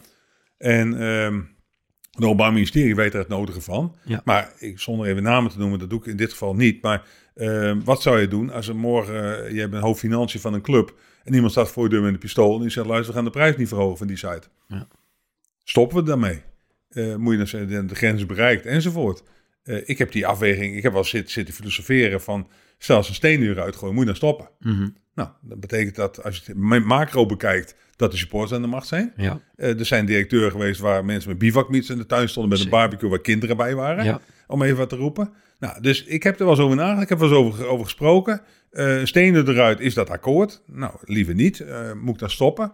Ja, ik, ik zou die prijs dan wel willen betalen zonder nu te promoten. Om al die stenen Heb je eruit ooit echt bedreigd gevoeld? Nou ja, ja, ja, nou, ja en nee. Eh, In de zin van waar, waar ze voor gewaarschuwd hebben wel. En wat, waar de politie ook van zei van luister, dit, dit risico eh, kunnen we niet meer afvangen. Maar, maar rij je dan alleen in je auto naar huis en denk je nou ja, er moet even niks gebeuren nu? Of als je thuis je auto Ja. neerzet, heb je dat gedacht? heb je dat wel eens gedacht? Ik heb twee eh, dingen meegemaakt. Eén is dat ze mij het advies gaven om niet meer alleen in mijn auto toe te lopen. en wat deed niet je? gedaan. Dat heb ik wel gedaan. Maar waarom doe je dat dan wel? Nou, omdat ik die prijs wil betalen. Want, eh, Maar wat dan- had die prijs dan- geweest? Dan word ik geleefd door anderen. Maar wa- wat had die prijs kunnen zijn? Dat ze mij hadden eh, bedreigd, eh, misschien gestoken, misschien eh, eh, vechtpartijen, weet ik veel wat. Zijn twee punten. Dit was de eerste. Wat was die tweede dan? De, dat was... Eén heb- keer niet naar je auto lopen en de andere keer, De andere keer was dat de politie een busje in de straat wilde zetten bij mij. daar heb je ook van gezegd niet. Ja, heb ik even moeten tekenen. Maar Om af te zien. dan ga je naar bed toe Ja. en dan weet je wel, ja, er kan wat gebeuren. Nou, Ga- de- de eerlijkheid noem je dat wel tegen je vrouw of wist je ja, het nee, ook dat- alleen? nee, natuurlijk bespreken Die ik wist dat ook, Ja, dat wist ik. Dat ik dit, hou je niet weg bij de... Nee, nee, nee. Nee, nee, nee. want eh, ik heb dat wel uitgelegd en ze kent wel een beetje. Dus zij eh, snapte wel waarom ik dat dus niet deed. Mhm. Ehm, maar ik moet eerlijk zeggen, wat gebeurt er dan die twee weken daarna? Als dan een, een aparte auto door de straat in rijdt die niet van de buren was, die we niet kenden, dan keek je toch heel raar op. Ja. Dat je dacht van nou, eh, Eh, Neem ons dan eens mee naar die kamer. Zit je dan met je vrouw, kijk je elkaar aan van ja, is dit allemaal waard? Of moet ik stoppen? Of heb je het dat dan nee, dat, dat, dat woord komt nooit aan de orde. Nee? Nee? Maar op een gegeven moment, eh, kijk, als je praat over een soort escalatieladder, en dan kom je namelijk niet uit. Daarom, eh, daarom heb ik die afweging ook zo gemaakt. Die stenen eruit akkoord. Dan ligt er onder die, eh, onder die ruit een hond. En die wordt geraakt is dood. Is dat het volgende criterium? Of er zit iemand op een bank en die wordt ook geraakt, moet in het ziekenhuis. Dus waar is ergens de grens? Hmm. En daar heb ik het wel eens met mensen over gehad, en ook wel eens met collega's. Die, die, die, die moet je op dat moment afwegen. Dat, daar is geen scenario voor te bedenken. Als dit gebeurt, doen we dat. Als dat gebeurt, Maar het is toch we wel bizar dat jij in een vak hebt gezeten eh, waar je hierover na moet denken en dat dit gebeurt. Is, is toch niet normaal of wel? Ik denk iedereen in de puberteit is dat hij ermee te maken heeft.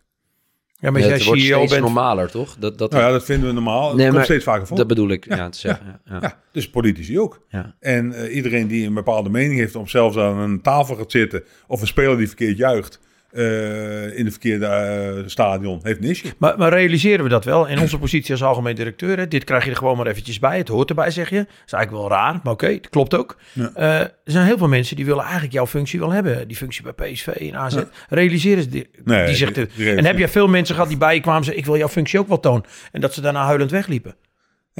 Ja, ja, kijk, als je praat over confronteren. als iemand zegt, wil je functie? Dan zeg ik, dat is goed. En dan gaan we even een lijstje maken wat erbij komt kijken. Ja, en noem eens een paar dingen. Nou ja, die jij dan... nee, maar ook bijvoorbeeld uh, oud-voetballers die zeggen: Ik wil wel directeur worden. Zeg, nou, moeten we verstand van financiën hebben. eh, wat van een commissie. We gaan het even over arbeidsrecht hebben. We gaan over een eh, jaarrekening lezen. eh, eh, nou, stukken Kamer Koophandel. Ik noem alles maar even op. Het hele verhaal, nou, dat is al heel wat. Dan moet je wat verstand van het vak hebben waar je in zit. Ook allemaal eh, tot daar en toe. Maar dan komt het. Ehm, dan gaan we het even over hebben van eh, wanneer denk je op vakantie te kunnen. En eh, nou, dan leg ik ze uit dat het eh, de laatste week van mei en de eerste week van juni is. En als ze geluk hebben, een week bij de kerst. Ja. En, en dat zit. Ja, ja, maar ik zeg, wanneer dacht je nog te kunnen golven? Ik zeg, dat, dat lukt niet. Althans, als je vak goed wil uitoefenen, lukt dat niet echt. Nee. Om dat voor elkaar te krijgen. Nou, dus dan gaan we dat even optellen. Dan gaan we nog even hebben over de social media. Alle columns die je op je dak krijgt. Eh, je weet 100% zeker dat het gaat gebeuren. Mm. En als je het zelf al managt, dan moet je goed realiseren dat de volgende stap de volgende cirkel van, van jouw eh, omgeving is. Vrouw, kinderen enzovoort. En als je dat al gemanaged hebt, gaan we naar de straat en naar je familie met verkeerde achternamen. Dus we gaan even de prijs vertellen wat dat gaat, gaat kosten. Mhm. En dan bedoel ik niet letterlijk financiële prijs, maar al de rest van het verhaal. Even, je hebt net over social media en ma- marketing en media natuurlijk. Eh, beeldvorming. Dat is natuurlijk in ons vak ook eh, ja, schering en inslag. Zeker met, met social media, televisieprogramma's waar vroeger 10.000 mensen naar keken, nu een miljoen. In hoeverre heb jij daarmee gemaakt dat ze het verkeerde beeld van jou hebben gevormd? Ik keek nooit. Maar je hoorde het wel. Soms. En, en wat doet dat eh, dan Niks. met je? Welk beeld ze schetsten van je? Nee, ik, ik heb, eh, als je met die mensen die in die programma's zitten, ook af en toe praat. eh, dat, dat doe ik nou. Dat- dat- ik ben wel geïnteresseerd. of vaak wel eens een keer. Zeg, luister, we zitten in een entertainmentprogramma. We gebruiken voetbal als, als onderwerp. De ene keer ben jij in de beurt, de andere keer iemand anders. Vaak bereiden we ons niet eens voor. En als het te goed met je gaat, dan roepen we een keer het nergens op lijkt. En als het slecht gaat, dan beschermen we het een klein beetje. Het is veel van entertainment. Maar dat betekent dus dat jij mensen in de, in de media, die ook wel eens heel slecht over jou schreven of eh, praten, die nodig je wel af en toe uit. Zeker. Wa- Was dat onderdeel ook van jouw management? Van jouw stakeholder management? Nee. En waarom deed je het dan? Nee, om, Wilde je toch beïnvloeden of niet? Nee, nee, kijk, het verhaal van Johan Derks is bekend dat ik Mhm. dat twintig jaar geleden keer heb gevraagd, is slim om in die voetbalsporten gewerkt, die gaf wat tips. En toen ben ik gewoon elk jaar één keer naartoe gegaan voor een kop koffie. Op een willekeurig moment. Dus dat had niks te maken met wie iets fout of, of, of goed had geroepen Doe je dat nog steeds? Ja, Maar die man heeft jou ook wel eens neergezet. En dat is natuurlijk Johan, Johan eigen, plus en min. De ene week eh, de top Ja. en de andere week finaal onderuit gehaald. Zonder dat hij op dat moment met jou samenwerkte. Doet het jou dan wat of niet? nee. Het is zo dat ehm, je, moet- je moet daar en dat, dat wel in leren. Ik zal het ook even vertellen. Maar als jij eh, één boek... Er zijn een paar klassieke boeken die elke leider moet lezen. Eén is The Wisdom of the Crowd. Dus de wijsheid van de massa. Mensen hebben door wanneer iets klopt of wanneer het niet klopt. Of wanneer het entertainment is of het gewoon een keer gebruikt wordt, ja of nee. En de ene keer dan komt er een column en dan wordt het volle- volledig weggeschreven. En eh, twee weken later kom je mensen tegen en die hebben door wat je voor type leiderschap je bent. En hoe je daar wel of niet bewozen wordt of niet mee omgaat enzovoort. Dus ik heb, ik heb geleerd. En dat boek Wisdom of the Crowd, dat is eh, grappig. Mensen hebben echt door of het tussen een groep en een coach niet klopt. Dat hebben ze echt door. Daar ben ik van overtuigd. Dus de ene spreker hoort de andere niet. En jij gaf En- gewoon iedereen ook even een hand en een bakje koffie als ze bij PSV kwamen. Ja. Al hadden ze jou een dag ervoor volledig Ja. in de vernieling geschreven. Ja? Ja, en het, het grappige is dat, eh dat is ook wel een interessante co- eh, hoe heet het, eh, confrontatie, of mensen dan zelf ook begonnen. Eh naar mij riepen ze, nou, is het niet gelezen of eh, prima, als je mening is. Kijk, een column is het meest zuiver iets. Ja. Je geeft je mening, je zet het erop en je zet je naam eronder. Maar to- to- toch, dat interessante, dus denk ik echt pff, 13 jaar geleden. Ik heb jou eigenlijk eh, vrij, altijd vrij emotieloos gezien door de jaren. Ik heb je één keer heel boos zien worden bij AZ. Eh, ik weet niet wie, die, Naber voor mij over een... eh, Nee, namen niet. Nee, dat was een andere journalist. Oké, nee, maar het, het, was, het was een woordenwisseling in de catacombe wat ik helemaal niet bij jou van pas. En eigenlijk mijn punt is, je, je, je toont eigenlijk vrij weinig emoties. Nou, het is zo dat... Je bent eh, vrij vlak. als- als- ik, ik weet van mezelf ondertussen waar ik door geraakt word. Ja. En dat is als om integriteit gaan beginnen. En dat was destijds toen. Ja, er was iets, ik weet niet precies wat dat was, maar ik, ik kan de momenten allemaal terughalen. Ja, ik waar, zie waar, het ook waar voor ik me. echt boos ben. En Ja. eh, een aantal mensen hebben dat beleefd met mij. Ja. En eh, dan, dan ga ik ook, eh, kan me schelen wa- wat ze ervan vinden. Eh, maar als over integriteit... Kijk, als ze vinden dat ik foute beslissingen neem, dat ik allemaal foute keuzes maak, dat ik niet deug als mens, vind ik allemaal prima. Maar als ze over integriteit beginnen, dan hebben ze een hele verkeerde mij. Dat heb ik moeten leren om dat een beetje in te dammen. Want je kan heel boos worden. Ja, heel boos. Ja. Ik Ja. heb het ooit aan de lijve meegemaakt. We hebben één keer een, eh, nou, eigenlijk een hele pittige aanvaring gehad. In, eh, over een discussie eigenlijk. En, en dat, ja, daar heb ik Toon echt heel emotioneel gezien. En na een vergadering in de ECV belde ik Toon ook op in de auto. Ja, dat, was je, dat is maar eigenlijk in ons geval één keer voorgekomen. Dat was een hele andere toon. Ja. Maar het, het enige voordeel voor mij is dan weer, ik ben niet rancuneus. En eh, dus er zijn mensen bij Heb die je dat geleerd? Eh, nee, er zit ook een systeem ergens. Dat ik, eh, dat ik blijkbaar, eh, dat is Leo van den Burg, als je nog zou leven, zou je dat uitleggen, dat dat blijkbaar er ook in zit. Dat ik wel mijn punt maak, Ja. eh, dat is dan klaar en dan is het afgelopen. Z- Zullen mensen dat ook denken van je? Of zijn ze dan toch nog bang? Of denken ze van hij heeft toch nog wel een verborgen Nee, nee, agenda? nee. nee, Nee? Dat is, eh, de, want de mensen waar ik behoorlijk aanvragen heb gehad, ook een aantal journalisten, die eh, uiteindelijk, uiteindelijk ook allemaal dat zeggen. Dus luister, je hebt aanvaring. En ik ben ook iemand die niet achter iemand rug om dat gaat doen. Dat is ook een raar eigenschap voor mij. Maar als ik vind dat jij niet deugt, Hmm. dan ga ik je dat nu vertellen. Of, of straks op de gang hier. En dan ga ik niet via de band spelen. Nee. Dat ga ik ook dus niet doen. Dus dat weet je ook voor mij. Even, even nog over die emotie. Eh, heb jij je moeilijke momenten wel eens dat je eh, in je auto naar Gelder op naar huis gereden was van kantoor? Of, of dat je eh, emotie uitzicht dat bij jou bijvoorbeeld ook in eh, nou, misschien verdriet of eh, Nee. stil worden? Of, Ja. Nee? Nee, ik weet wel wat mijn stresssysteem is. En dat, Dat is... als mensen extravert zijn, dan keert dat om in een i. Dus dan wordt het introvert. Hmm. En wordt in plaats van gevoel wordt piekeren. Dus als ik aan het piekeren ben en stil ben, dan ben ik in mijn stresssysteem. Daar moet ik niet thuiswerken in mijn eentje. Dat werkt natuurlijk allemaal niet. Dat is ook een introvert systeem. Dat moet je zelf weten. En extroverte mensen, dat is ook wel interessant om te volgen. eh, die keren in een wedstrijd om in een i. eh, introverte, introverte mensen keren om in een e. Ja. Dus die gaan schelden, schoppen en slaan. Die krijgen de meeste rode kaarten. Dat zijn de me- meest rustige jongens. Die dat van, van buiten het veld zijn. Ja, ja. Dus, dus dat systeem, dat, eh, dat, dat En, en ken heb, ik. heb je, En verdriet, eh, de- nee. Ik heb je dat wel eens, wil ik wel Nee, vragen. want ik regelde voor ik begon, in elke functie waar ik zat, regelde ik het worst case scenario. En eh, wat is het worst case scenario van een directeur die ontslagen wordt? Nou, Ja, dan heb je het. Nee, maar ik kan me ook voorstellen dat je wel geraakt wordt door dingen die op persoonlijk met je werknemers gebeuren. Dus we hebben het nu heel erg over eh, prijzen pakken en dat je ontslagen wordt, dat je je doelen niet behaalt. Kwetsbaarheid. Maar gewoon Ja. dat je. Ja, ja, dat kan hoger dan wat persoonlijk zijn naar mensen toe, maar niet in de organisatie. Maar kan dat niet zo zijn als leider dat er in de organisatie wat gebeurt? Of, of, of met het resultaat, of dat het zoveel impact heeft, of een eh, bijna failliete club. Dat je daar met tranen in je ogen staat en mensen toespreekt. Of dat Nee. er eens iemand bij jou op je kamer gekomen is en dat dat jou zo raakt dat de tranen door Toon Nee, Gerbrands ogen gaan. Nee? Nee. Nee. ik is kan dat dan ik- dat je ik- zo hard bent of cool? Nee, dat is niet hard. Het is zo dat eh, welke mensen komen bij mij als, als ze in de problemen zitten. Het is ook wel grappig als je ziet eh, waar je kinderen, wie, wanneer ze voor vrouw bellen, wanneer ze jou bellen. eh, over welke onderwerpen dat, dat dan gaat. Nou, mensen komen bij mij in de grootste ellende, gaan mij opzoeken. Mhm. Omdat ik wel een soort perspectief creëer en een soort hoe het uitweg creëer. En begrip toon voor wat er aan de hand is, maar probeer ook weer ze te helpen. Eh, daar ligt mijn kracht. Dus Ja. ik, ik ergens in die boeken schrijf ik dat ik opleef in ellende. En dat is ook zo. Dus bij mij, het moet niet, het moet niet te goed gaan allemaal. Want Nee, dan, dan ik ben ik niet de beste als leider. Nee. Dan, ik ben geen beheerder. Nee, je, je gaat op momenten, de, hè, de emotie voor jou is ook een beetje piekeren, wat je net zei. Ja. Ehm, is er dan ook een moment dat je zegt van ik zet deze muziek op? Eh, ik, eh, welke muziek Nee, luister je? dan Kun je wordt- rustig... Dan wordt het weer extravert. Oké. Dan, dan is het weer muziek en dan ben ik niet... Maar je luistert niet naar muziek, daar heb je Ja, eigenlijk ik geen luister heel veel naar Ja, en waar muziek. luister je naar? Waar word jij dan... wa- Wat zoek jij dan op daarin? Ja, eh, ik, ik heb eh, een groot aantal nummers, grote variatie in nummers, maar je ziet in welke tijd dat is blijven hangen. Dat is vanaf eh, toen ik 20 tot 40 ben, die muziek, die, die staat er ergens op. Dus in mijn tijd waren, ja, of, of dat de Eagles waren of op andere manier, maar dat soort muziek. Dat staat ook op als je gaat hardlopen. Bee Gees en dat is, nee, ik, ik, ik neem nooit de muziek mee als ik hardloop. Nee? Nee, dat is mijn introverte kant, dat is mijn zelfreflectie. Daar komen de ideeën, daar komt de genialiteit, daar komen de boeken, daar komen de ideeën. Boven. rondje? Wat zei? Ja, hetzelfde rondje. Hoeveel kilometer? Altijd. 6,8. Altijd. Ben je er altijd uitgekomen met dat piekeren? Nooit eens een keer dat moest er niet derde, nee, moest ik zo'n derde, vierde keer gaan lopen.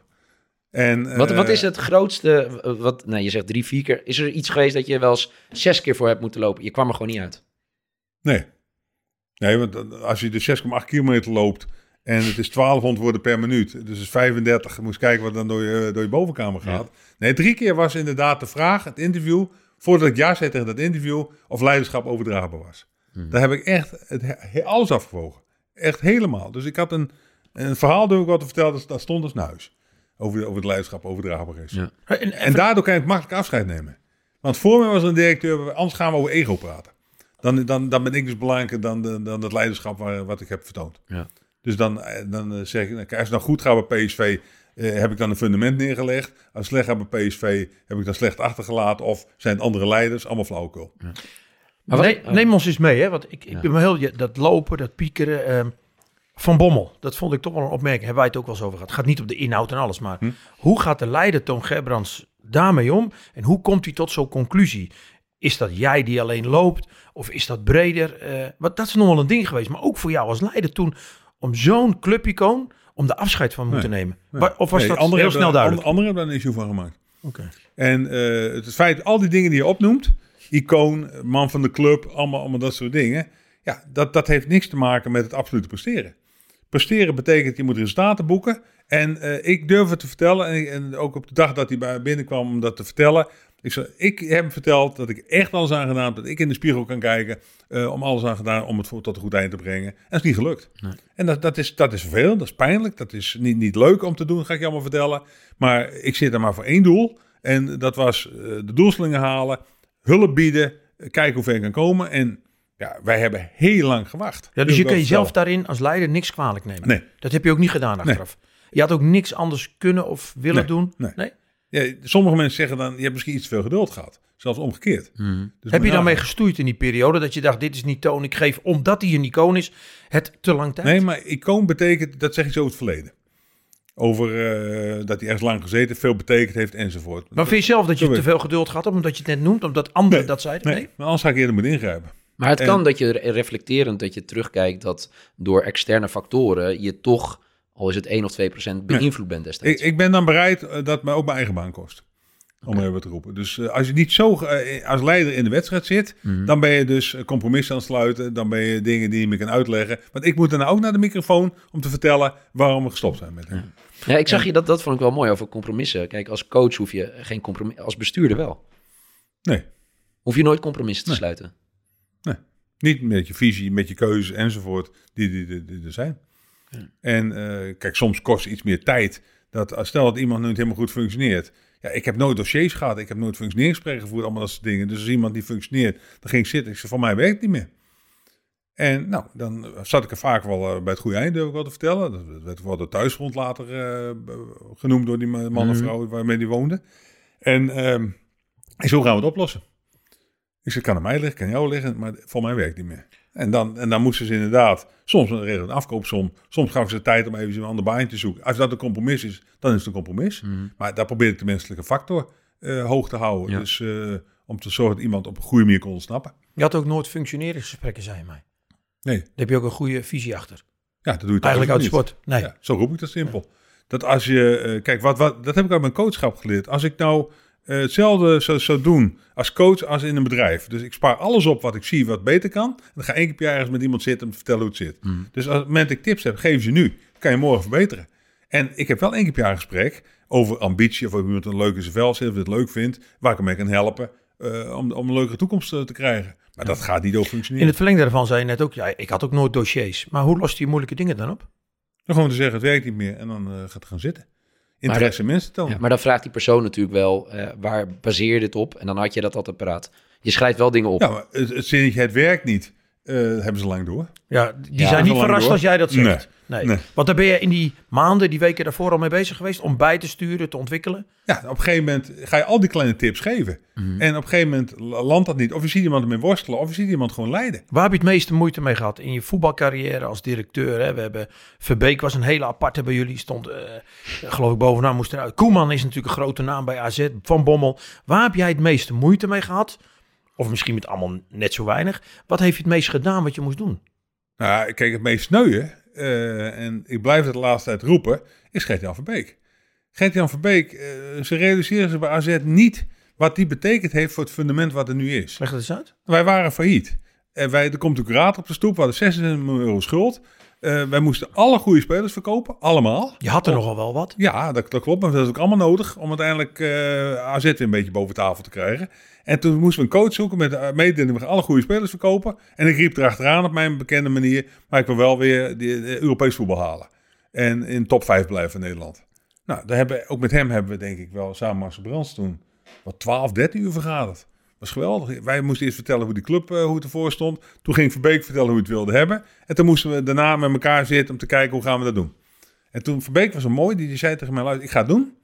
Maar uh, commitment, als ik het nu voor drie jaar teken, blijf je ook zeker drie jaar. En je gaat ja. niet negen weglopen. En Marcel speelde toen PSV al, dat zei hij ook gelijk. Uh, Marcel zal wel weggaan, maar je, dan, dan moet jij blijven. Hmm. Nou, dat heeft hij als een gek gewerkt. Heeft alles gedaan. Hij mocht alle krachtapparatuur, uh, mocht alles doen, behalve heel veel geld in spelers steken. Dus daar heeft hij een geweldig fundament neergelegd. Ja, en op een gegeven moment werkt het dus niet meer. Maar waarom werkt het dan niet meer? Tussen hem en die groep niet meer. Dus okay. niet tussen mij en Verbeek, maar tussen groep en hem niet. En dat is mijn taak ook om dat te constateren. Zag je dat niet eerder aankomen en had je hem daarbij kunnen helpen? Hebben we ook gedaan. Maar... Ik, ik heb die, ik, kijk, wat ik dan doe, ik ga tegen de spelersgroep zeggen, luister, het ligt aan jullie. En uh, prima coach hebben Ja, neem ons eens mee in dat proces. Wij hebben het er ook vaak ja. over. Boeiend, uh, je merkt dat het niet, niet loopt. Daar is zo'n trainer niet bij. Neem eens mee wat je doet. Ik ga, is... ik ga, nou, punt 1 uh, wordt die trainer mij niet verrast. Ik zeg tegen, voor mij loopt het niet helemaal goed. En dan gaan we ook op een gegeven moment vragen van, zal ik een beetje helpen, ja of nee? Of ga je zelf nog even de slag? Nee, helpen is prima. Dus ben ik naar die spelersraad gegaan en die, die kwam bij me. Ik zei, Daar wist de trainer vanaf? Ja, ja. ja, dat is allemaal bij mij. Dat is allemaal, dat weten ze precies Dus jij zegt, trainer, sorry, ik ga even met spelers alleen praten. Vind je het ja. goed? Want ik ga ja, dit... Dat heb ik, en vind dan? Ik, vind ik prima. Dus ik ga met de spelersraad praten en dan roep ik tegen luister, prima trainer, jullie doen je best niet genoeg. En daar gaan we een discussie over voeren. Nou, dan komen we dingen boven wat ze irriteert. Maar ik ga ook vertellen dat ze makkelijke weg kiezen. Dat ze kunnen ook zelf wat betekenen voor, uh, voor, voor, een elftal of voor een club enzovoort. En met Gertjan ga ik dan zitten. En zeg ik, luister, ja, het loopt niet helemaal. Uh, hoe kijk jij tegenaan? Dus, uh, en dat ga je allebei proberen te matchen, te doen. Daar ga je nog twee, drie maanden mee in de slag. En ja. op een gegeven moment merk je dat het gewoon geen match meer is. En het mooie vond ik, de, het ontslag viel na de overwinning tegen PSV. Jullie versloegen de avond Ja. voor PSV. Ja. En de dag daarna werd hij ontslagen. Dat klopt. Maar het mooie is wel, het was, het was nog veel bijzonder, want uiteindelijk was het inderdaad zo dat... eh, en Verbeek, moet ik eerlijk zeggen, als u praat over geen rancune en dat soort dingen... Waar in zijn contract stond de afkoopsom. Dat doen bij alle coaches. Hoef ik daar niet meer over te vergaderen. Ja. Dus dat tekenen ze ook voor, voor we gaan beginnen. Dus wij weten waar we kwijt zijn als, eh, als hij eruit gaat. Hij had gewonnen van PSV en toen zei hij letterlijk toch tegen mij van... eh, ja, dat komt dus niet door het resultaat. Dus dat klopt. Ik Nee. zeg, die match, de vertrouwenslaatste tussen jou en de speelsgroep is er op dit moment even niet meer. Nee. En, eh, ja, en, en twee dagen later heb ik spullen mee opgeruimd. ik was daar op stadion, er was niemand. Ik ben erheen gegaan, over leiderschap gesproken. Ik heb hem spullen ingepakt, we zijn Chinees gegaan gaan eten toch? en we zijn gaan eten. Ja, ja. Je hebt ook nog eens in, in dit verhaal, in dit soort verhalen, ook wel eens verteld dat je, die spelersraad is één, maar je bent ook wel eens de kleedkamer ingelopen. Het heb je ook datzelfde gesprek met die hele selectie gehad. En dat je daarna zei, ik zit nog vijf minuten daar, zeg het maar. Ja, maar dat het waren twee momenten. Eh, ik ben eigenlijk nooit de kleedkamer ingelopen. Ik ben eh, één keer, eh, toen we het faillissement van DSB hadden, toen moest ik de kleedkamer in om even te vertellen hoe het zat. En dan merk je ook, als ik heel eerlijk ben, spelers dachten, nou als de club omvalt ben ik transfervrij. ik bedoel, zo is het ook nog een keer. Zo Dus egoïstisch ik, is het ook, Ja, ja. dus ik, eh, en, en als salaris werd betaald, die waren op dat moment helemaal niet begaan met Nee. de club. Dat werd me ook snel duidelijk, dus ik denk dat is ook prima. Laat hun maar voetballen en dan gaan wij wel kijken hoe ver we gaan, gaan komen. Dus dat zijn van die wake-up call eh, Mhm. dingen die waar ik niet, eh, niet had verwacht. Maar we hebben ooit een keer, ehm, wij, wij- stonden een keer op een positie dat we bijna gingen degraderen met Verbeek. Eh toen het is verloren van RKC. En ehm, toen, toen is, eh, toen is een heel mooi verhaal is het eigenlijk wel. Toen is uh, Ernest Stewart, die is naar beneden gegaan naar die spelers. En ik heb met de staf gesproken. En ik heb de staf alleen maar gevraagd over confrontatie gesproken. Eh, er was Verbeek toen niet bij. Dat, eh, ik zei, ik ga weer met de rest van de staf spreken. Ik zei, weet je wat er gebeurt als we gaan degraderen? Ik zeg, dan houden we nog van de vier coaches er één over. We hebben één fysio eh, met, in plaats van drie met een Ja. stagiair of, of niemand. En de dokter ontslaan we. Mhm. Het was stil. Dat hadden ze zich allemaal niet eh, helemaal gerealiseerd. Dus ik heb ze toen eh, voor elkaar gekregen. Dat was heel mooi. Om ze uiteindelijk, eh hebben ze luisterd, wat gaat u dan betekenen? Dus zij gingen, die ging die speler helpen, die ging die speler helpen, die ging dat dus doen. En wat er gebeurde beneden, dat was, vond ik eigenlijk het meest bijzondere. Erik Heijblok, die zat daar in, in, die, in die groep als, als derde, vierde Ja, keeper klopt. op dat moment. En toen ging het over hoe het zat. En op een gegeven moment wat gebeurde er? Die staat op in die kleedkamer. En die vraagt met, met, met eh, stemverheffing bijna, dat, ik was niet bij, maar ik hoorde het later van een steward. Wie van jullie is wel eens gedegradeerd? En nou, ik geloof vier geven met Sparta een keer en dat was het enige. En eh, voor de rest niet. Toen zei hij, weet even, wat ik geen tweede keer ben wens mee te maken. Ik zei, dan moet je de avond van de laatste wedstrijd naar boven toe. Dan staan die honderd mensen daar die voor ons gewerkt hebben en de helft is zijn baan kwijt. Omdat wij ons best niet gedaan hebben. Toen was het klaar beneden. Dat wist ik niet, maar dat dat zo gebeurde. Maar dat bleek zo de, erin te zitten. En toen heb ik, eh, ja, dat heb ik toch maar verteld verhaal. Toen heb ik tegen Gert-Jan van Beek gezegd, hij moet nu mee in die bus. Want hij is de metafoor geworden Ja. voor eh te weinig doen. Dus ik zei, hij blok, luister, eh, ik, misschien gaat die coach je vragen, jij gaat mee, je hebt maar één taak. Dat als iemand verzaakt, moet je even ze- langslopen. Eh, die mensen, ja. Ja, en als je dan, uiteindelijk winnen wij de beker van PSV nog. Ja. Wij, wij, wij, wij handhaven ons wel behoorlijk goed. Wij winnen in één keer vier wedstrijden geloof ik, verliezen van PSV thuis. Eh, en daarna winnen we nog eens een keer twee of drie wedstrijden. Dus we waren meer dan eh, goed in de competitie. En uiteindelijk winnen we die beker. En als je heel goed gaat zoeken in de, eh, in de foto's, Ja, dan zie je een foto waarin Erik Heijblok mij in mijn armen springt. Die is gemaakt. En die, niemand kent het verhaal, maar dat hoort bij deze, dit verhaal. maar hangt die ergens bij jou thuis? Daar hangt helemaal geen foto van mij thuis. Van Nee. niemand. Oké. Ja, althans niet van van sport. Wat, wat heb je aan de muur hangen dan? Ja, Kunst. goede vraag. Nee, ja, iets aan kunst, ja, dat klopt. Maar eh, ik, ik ben dus niet van die... eh, ik ben wel, ik ben wel trots wat er allemaal bereikt is in al die jaren. Een hele lijst geworden. Als je volleybal alles optelt. Dat zijn er gewoon Maar wat, ik, wat ik heel mooi vond, wat je zei over trots. Je bent nergens ooit ontslagen. Nee. Maar wat, eh, wat, wat, wat ik heel vreemd vind, en ik ben een complete buitenstaander in dit hele verhaal. Jij verlengt je contract in 2019 bij PSV tot 2025. En dat wordt halverwege stopgezet. Dat is maar net hoe je het bij elkaar afspreekt. Dus eh, ik heb toen eh, gezegd, luister, voor mij is een contract... betekent dat als er een andere club zich meldt, dat ik niet wegga. Ja. Dat betekent mijn contract. Dus eenzijdig eigenlijk. Ja. Oké. En eh, dus als dan iemand belt, dat is gebeurd uit, uit, uit de Premier League, twee clubs die wilden me hebben. Hmm. Dus dan zeg ik, nou, hoeft niet te komen. Ja. Anders nee. Ja, maar kunnen we dan een gesprek aangaan? Ik zei, nee, ik want ik doe het dus niet. Ja, maar we willen je proberen over streep trekken. Ik zei, dat hoeft niet. Ik zei, nee. Dan gaan ze een dag later bellen of ik het wel goed begrepen heb. Naar collega's van mij. Ja, want, eh, want zei, ik kan vier keer zoveel verdienen. Ik zei, ja, dat weet ik wel, want anders nee. Ik heb commitment gegeven aan dit contract, Klaas Kees. Ja. Maar ik heb er altijd bij gezegd, dat ik zal luisteren, als er een moment komt dat voor de club of voor mij of voor, voor iemand anders beter is, als we dat eh, gaan oplossen, dan is verplicht koffie meenemen, dan los ik het vijf minuten op. Maar was het voor jou beter op dat moment? Ja, omdat er een betere komt.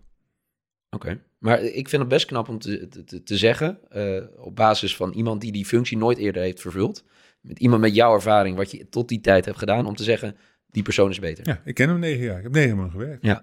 Anders zou ik niet kunnen zeggen. Dus dit was ook de beste opvolger voor jou. Absoluut. Oké. Absoluut. Was dat moeilijk voor jou? Nee. Helemaal niet? Nee. maar ik kan me ook, los van dat je ziet dat iemand beschikbaar komt die goed is, dat jij ook naar jezelf kijkt. Ik ben heel gelukkig, ik woon in Gelderop, ik ga... Dat eh, lifestyle. Ja, nee maar, nee, maar ook gewoon de fase waar je in zit in je leven, wat je bereikt hebt. Je hebt de club door een moeilijke periode heen gebracht, hè, met de coronacrisis. Ehm, dat je denkt, ik, ik, heb het hier, ik ben nog niet klaar. Ja, nee, maar zo denk ik dus niet. Als er, als er een betere komt, dan, eh, dan, denk, dan kijk ik vanuit topsportprincipes en vanuit prestatieprincipes naar zoiets. En eh, kijk, luister, ze, ze liggen in die functie van mij niet voor het oprapen, Nee. durf ik je te vertellen. Dus je moet al Maar ervaring waarom is Marcel Brands beter dan Toon Gerbrands in die omdat hij voetbal meeneemt. En is dat belangrijk bij een algemeen directeur? Ja. Waarom? Nou, nee, het kan toegevoegde waarde zijn van de algemeen directeur. Ja. Laat ik het zo zeggen. Als het niet is, houd het op. Dus eh, kijk, Van der Saar heeft ook voetbalachtergrond. Het is een voetbalclub. En wat Dat nam jij mee dat ooit? vergeet wel. Maar Wat- ik nam prestatie, management en coaching mee. Ja. En, eh, Moet kijk, de directeur als altijd wat meenemen? Moet hij altijd wat meenemen? Iets moet hij mee hebben. Want eh, kijk, ik gaf het voorbeeld, Sangaré, had ik nooit van gehoord. Ja. Ik heb geen flauw idee. Maar dat hoeft ook niet, toch? nee, dat, dat bedoel Ja. ik. Maar Marcel zou dat wel kunnen. Die weet dan, eh, samen met John Jong toen de tijd, dat was de bedoeling, eh, die zou dus met z'n tweeën toegevoegde waarde kunnen hebben. En Marcel heeft dus de rol van algemeen directeur ook bij Everton. RKC. eh, En hij had Everton een behoorlijke rol, is dat zelfs in, de boord. Ja. Eh, en ik heb negen hebben gewerkt. Mhm. Dus anders kan ik het niet over oordelen. Als ik nou, ik, als ik nou zou zeggen, is Wilco nou geschikt als algemeen directeur bij PSV? Ja, ik ken hem uit de gesprekken. Maar als ik echt zes jaar met hem gewerkt zou hebben, zou ik, ja, dan zou ik blind mijn hand in het vuur steken. Mhm. Of niet? Eh, je zegt eh, leiderschap, als de deur dicht gaat, hè, dan vertrekt ook het leiderschap. Ja. Ehm, verdwijnt dan ook het gevoel als de deur dicht gaat? Bij mij wel. Want je, je, je, je zit op de tribune bij PSV. Ja. Er is een turbulente periode geweest. Ik kan me voorstellen dat je wel een bepaald gevoel daarbij hebt. Ik ga zitten kijken. Je bent betrokken. Daar zal ik wel eerlijk over zijn. Maar Ja. ik, ik, ik was al niet een schreeuwer op de tribune en Nee. een juicher en dat soort dingen. Dus dat is, eh, dat is tot nu toe hetzelfde nog steeds gebleven. Ja. Alleen ik moet af en toe opstaan omdat iedereen opstaat. Dat, eh, dat heb ik in zo'n box natuurlijk niet, als ik eerlijk ben. Nee. Maar dan, dan ga, ben je klaar. En na tien minuten drink ik op koffie of, eh, of een fris of iets anders. Ga naar huis. En dan moet de ander het oplossen. Nee, maar wat ik meer En bedoel, ik zou ook wel vertellen, dat is ook wel eens lekker. Ja, nee, maar ik bedoel ook wel dat iemand anders het op moet lossen. Maar er is in jouw periode naar buiten toe een, behoorlijke rust geweest altijd. Nou, dat kan, je kan veel zeggen, dat is het nu niet. En ik kan me zeggen dat het, los van wat je mening daarover is, ik ken je redelijk goed, daar ga je nooit wat over zeggen, want Nee. dat is niet jouw taak. Ik kan me wel voorstellen dat het iets met je doet. Want dat zou dus met eten Nee, maar omdat, hebben. omdat je ook met iemand negen jaar hebt gewerkt en Ja. die nu op een Nee, maar als Marcel, luister. Als Marcel, gezien onze relatie, mij morgen belt en die wil even koffie drinken. Ja, maar los Of, van dat eh, hij je belt, het ja. kan me voorstellen dat iemand die jou, jij hebt gezegd, dit is de betere versie Ja. om nu op deze functie te zitten. Er gebeurt nu dit, dat er een bepaald gevoel bij jou ontstaat, dat je denkt, Nee, ik denk nog steeds dat het de beste, dat de beste man op de beste plaats is. Daar ben ik van overtuigd. Ja, luister, overal gebeurt wel eens wat. En eh, ja, dan moet je mee handelen. En als je niet precies weet hoe het in elkaar steekt, zoals in mijn geval. Ik ben krantenlezer geworden. En eh, denk dan niet dat tien man mij bellen over wat er allemaal gebeurt of hoe dat in elkaar steekt. Ze kennen hem ook wel. Het is, het is wel grappig. Toen John John de Jong eh, zeg maar naar buiten kwam dat, dat, dat, dat hij stopte. dan proberen nog twee kranten te bellen. jou, ja, oké. om, en dan probeer ze, ja, is er off the record iets te melden? Ik zei, nee, ik- niks. En, en klaar is Kees. En heb je dat thuis, bijvoorbeeld als je binnen de vier muren s'avonds thuis zit, heb je het er dan wel met z'n tweetjes nog wel eens over? Hoe je misschien, ook lerend, hoe je dat zelf misschien had opgelost? Of denk je die- daar wel over? nee. Nou, niet voor buiten, maar voor jezelf. Nee, maar het, het, het mooiste wat ik ooit geleerd heb van, van Louis van Gaal, die zei een keer tegen mij, en daar heb ik heel lang over moeten nadenken, sommige dingen gebeuren mij niet. En toen dacht ik, wat bedoelt hij dan ermee? Nou, het grappige is dat als jullie een podcast hebben met Louis van Gaal, kom je absoluut niet te laat. Want dan weet je dat er iets gebeurt, of dat er iets van vindt, of dat er iets van zegt, enzovoort. Dus je ziet daar ook spelers nooit laat komen. In de jaren dat ik bij AZ met hem gewerkt heb. Dus sommige gebeuren drukt hij op een andere manier de koppen en komen dus zover niet. Hmm. En eh, kijk, als je, da- als je dat soort dingen dus, dus weet hoe, de, hoe die principes een beetje werken, dan zeg je ja, was het mij geluk, was het me niet geluk, ik weet het niet. Ha- Had je dit kunnen voorkomen, zoiets wat er nu bij PSV gebeurd is? Ik? Nee, Ja. natuurlijk niet. Hey, hey, maak even een glauw een bruggetje erover. Ehm, je ziet wel bij de PSV opeens raad van commissaris. Je ziet bij Ajax raad van commissaris bemoeit zich met een speler. Is Ja, dat, dat is, weten dat, we niet. Omdat de pers het schrijft, denken we dat. is dat weer beeldvorming? Ja. Hoe belangrijk is een raad van commissarissen? Heel belangrijk. ik heb er heel veel aan gehad. Als de rol is, je houdt toezicht op directie. Dat betekent dat je heel veel van die expertise van, van die mannen die er zitten, of het nou Ton van Veen is van Jumbo als een grote financiële man, of het nou Robert van der Wallen is als ondernemer die van niks naar iets begonnen is, of het nou Klaas Dijkhoff is, met, en ik noem maar even zo willekeurige namen op. Daar kan je heel veel leren. Mhm. Alleen, zij zitten in de rol van toezichthouder op de directie. Heeft ooit een commissaris zich wel eens met jouw beleid bemoeid? Heb je er wel eens discussie over gehad? Tuurlijk. Ja. Hebben we wel eens over gehad. Ja, ik denk dat er heel vaak Oh. discussie is, toch? Nee, alleen het verhaal is, als jij statutair directeur bent, wat, wat je dus bent bij, bij een voetbalclub, dan beslis jij over een aantal dingen. Ja. En eh, daar, daar, kan met mensen over discussiëren. Ja, ze zitten niet alleen maar om ja te knikken. Dus als je grootheden in zo'n raad van commissarissen zet, dan is het prachtig om daar met elkaar over te praten. Maar op een gegeven moment moet je wel een keer zeggen, eh, dit is het, veel succes, dit is jouw verantwoordelijkheid. Welke commissaris heb je het meest gehad en waarom? Wat, wat bracht die jou? Waarom was dat zo goed van die persoon? Nou, ik heb, eh eh, nogmaals, ik heb aan veel mensen wat gehad, laat ik er duidelijk over zijn. Het is altijd gevaarlijk je één uitpikt. Maar ik heb wel veel geleerd van het, het leiderschap van Robert van der Wallen. Over, eh, die dus eh, t- twee keer per jaar met ons ging zitten. Dan eh, echt visionair en vanuit eh, de toekomstperspectief dingen kon zien en dingen kon regelen. En dan op het eind van zo'n sessie, waar ook die vijf mensen van Raad van Commissaris bij waren en de directie, kon zeggen, luister, dit waren de punten, veel succes. En dan liet hij ook vrij. En hoe, hoe lang waren die sessies? Is dat een dag? Dat was de dag, 24 uur. En dat kijken of je de irritatiegrens komt bij elkaar. Nou ja, nee, dat denk ik niet, want eh, anders had hij zelf niet gezeten. Nee. Maar eh, nee, want hij deed ook in die functies deed hij zijn werk uitermate goed. Ja. Voordat hij met, eh, zeg maar, Klaas Dijkers, een van de laatste die erbij gekomen is, daar gaat hij uren mee, mee, mee praten. Ja. En dan laat hij ook de andere mensen mee praten en doen. Dus hij, als je praat de voorbereiding, dat deed hij ook altijd hartstikke goed. Je hebt veel aan hem gehad. Je noemt hem ook vaak. Hoe neem jij dan afscheid van zo'n man? Is dat gewoon ook een hand de deur dicht en weg? Of is daar nog sprake van relatie? Hoe zit... Hè, want je zegt net emoties schakel je uit, ga weg, leiderschap. Hoe neem je afscheid van zo'n man waar je zo Daar fijn mee hebt daar gewerkt? neem je geen afscheid van. Want daar heb je nu nog contact mee. Maar het, het, het mooie van, kijk, en dan praat je over spagaat en dilemma's in, in leiderschap en, en dat soort, eh, dat soort eh, dingen. Kijk, op het moment dat eh, ik eh, deze fase waarin het dan wat meer publiciteit op, op hem afkomt en de club afkomt, ja, dan wacht ik toch echt tot iemand anders belt. Hmm. Dat- want dat, dat, dat kan nooit goed worden uitgelegd. Wat je ook doet, het, het is fout. Wat zou je nog willen in de voetballerij? Niks. Helemaal niks meer? Wat Ja, zou je ik, nog ik, willen? zit, ik zit nu bij NAC. Ja. En eh, kijk, het leuke van deze levensfase eh, is dat het het is een nieuwe fase voor mij. Eh dan ga je dus nadenken. Ik kreeg twintig telefoontjes van van alles nog wat. Zeven uit de voetbalsport kwamen dan. Hmm. Eentje uit buitenland voetbal. Eén van een pri- private equity partij. Dat waren de zeven in het voetbal. Nou, private equity is helemaal niks voor mij. Oké. Dan kan je goud geld verdienen. Maar dan moet je organisatie doorlichten, mensen eruit gooien, anderen neerzetten. En het liefst de club keer weer doorverkopen als het eh, voor Ja. hun eh, uitkomt. Dat is niks. Dus, eh, en voor de rest had ik vrij snel door dat ik heb er al iedereen gezegd, ik ga niet meer in de, op de loonlijst staan, niet meer in executie. Dat doen ze niet meer. Dus ik, Nooit meer? nee. Ongeacht wat er komt? Ja. Want? nou, ik wil in deze levensfase in een onafhankelijke rol zitten. En als je dan toch afhankelijk bent van anderen, dat, dat wil ik, ik ben nu 64, dat wil ik dus niet meer. Dus dat is mijn eigen keus. En eh, dus dat betekent inderdaad dat je dus eh, die dingen dus afperkt. Dus NAC doe ik dus op dit moment, dus ik doe wel iets in de voetbalsport. Maar dat is echt, echt op de achtergrond helpen. Profielen maken, eh, uitleggen hoe dingen werken, uitleggen hoe perslijnen lopen. Allemaal dat soort ke- kennis gooi ik erin. Maar de- de- er is nu geen algemeen directeur, maar die komt er wel. Hmm. En er wordt straks een, een uitermate goede stichtingbestuur, denk ik, en een raad van commissarissen neergezet. Nou, die gaan een jaartje helpen en that's it. Dus ik zie jou nooit in een rol, als we die ooit zouden krijgen, van eerste commissioner van de Eredivisie. Nee. Zou je daar wel mee willen helpen? Om, waarom wat? Om het eh, een, een profiel te Nee, creëren? maar de, de- punt 1 wordt het hier niet. Waarom niet? Dus dat, eh, nou, dat heb ik in die 20 jaar wel ervaren. Ja, maar Dus goed, de wereld verandert. Er Nee, kunnen andere mensen... de wereld verandert wel. Ja. Maar eh, ik ben daar heel Waarom ben je zo stellig dat dat niet verandert? ik ben daar heel negatief over, over de, de veranderingen die eh, de Eredivisie en het Nederlands voetbal meemaakt. Mhm. En waarom komen die er niet? Ik heb je er vaak over gehoord, maar waarom komen die er niet? Nu sta je er wat verder vanaf.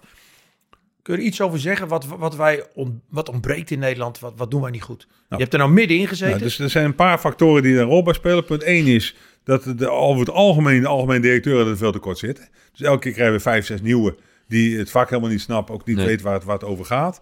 En voor de rest krijg je dus dat eh, de gemeenschappelijke belangen die er zijn, kunnen mensen niet eh, voor, voor, voor het voetlicht krijgen. Dus eh of, maar is dat een verschil tussen top en de onderkant? En, en, en... Nee, vertrouwensrelatie. En niet solidair. Die vertrouwensrelatie is het dus niet. Waar Nee. ik zei, wat essentieel is om samen te werken, is Ja. een vertrouwensrelatie.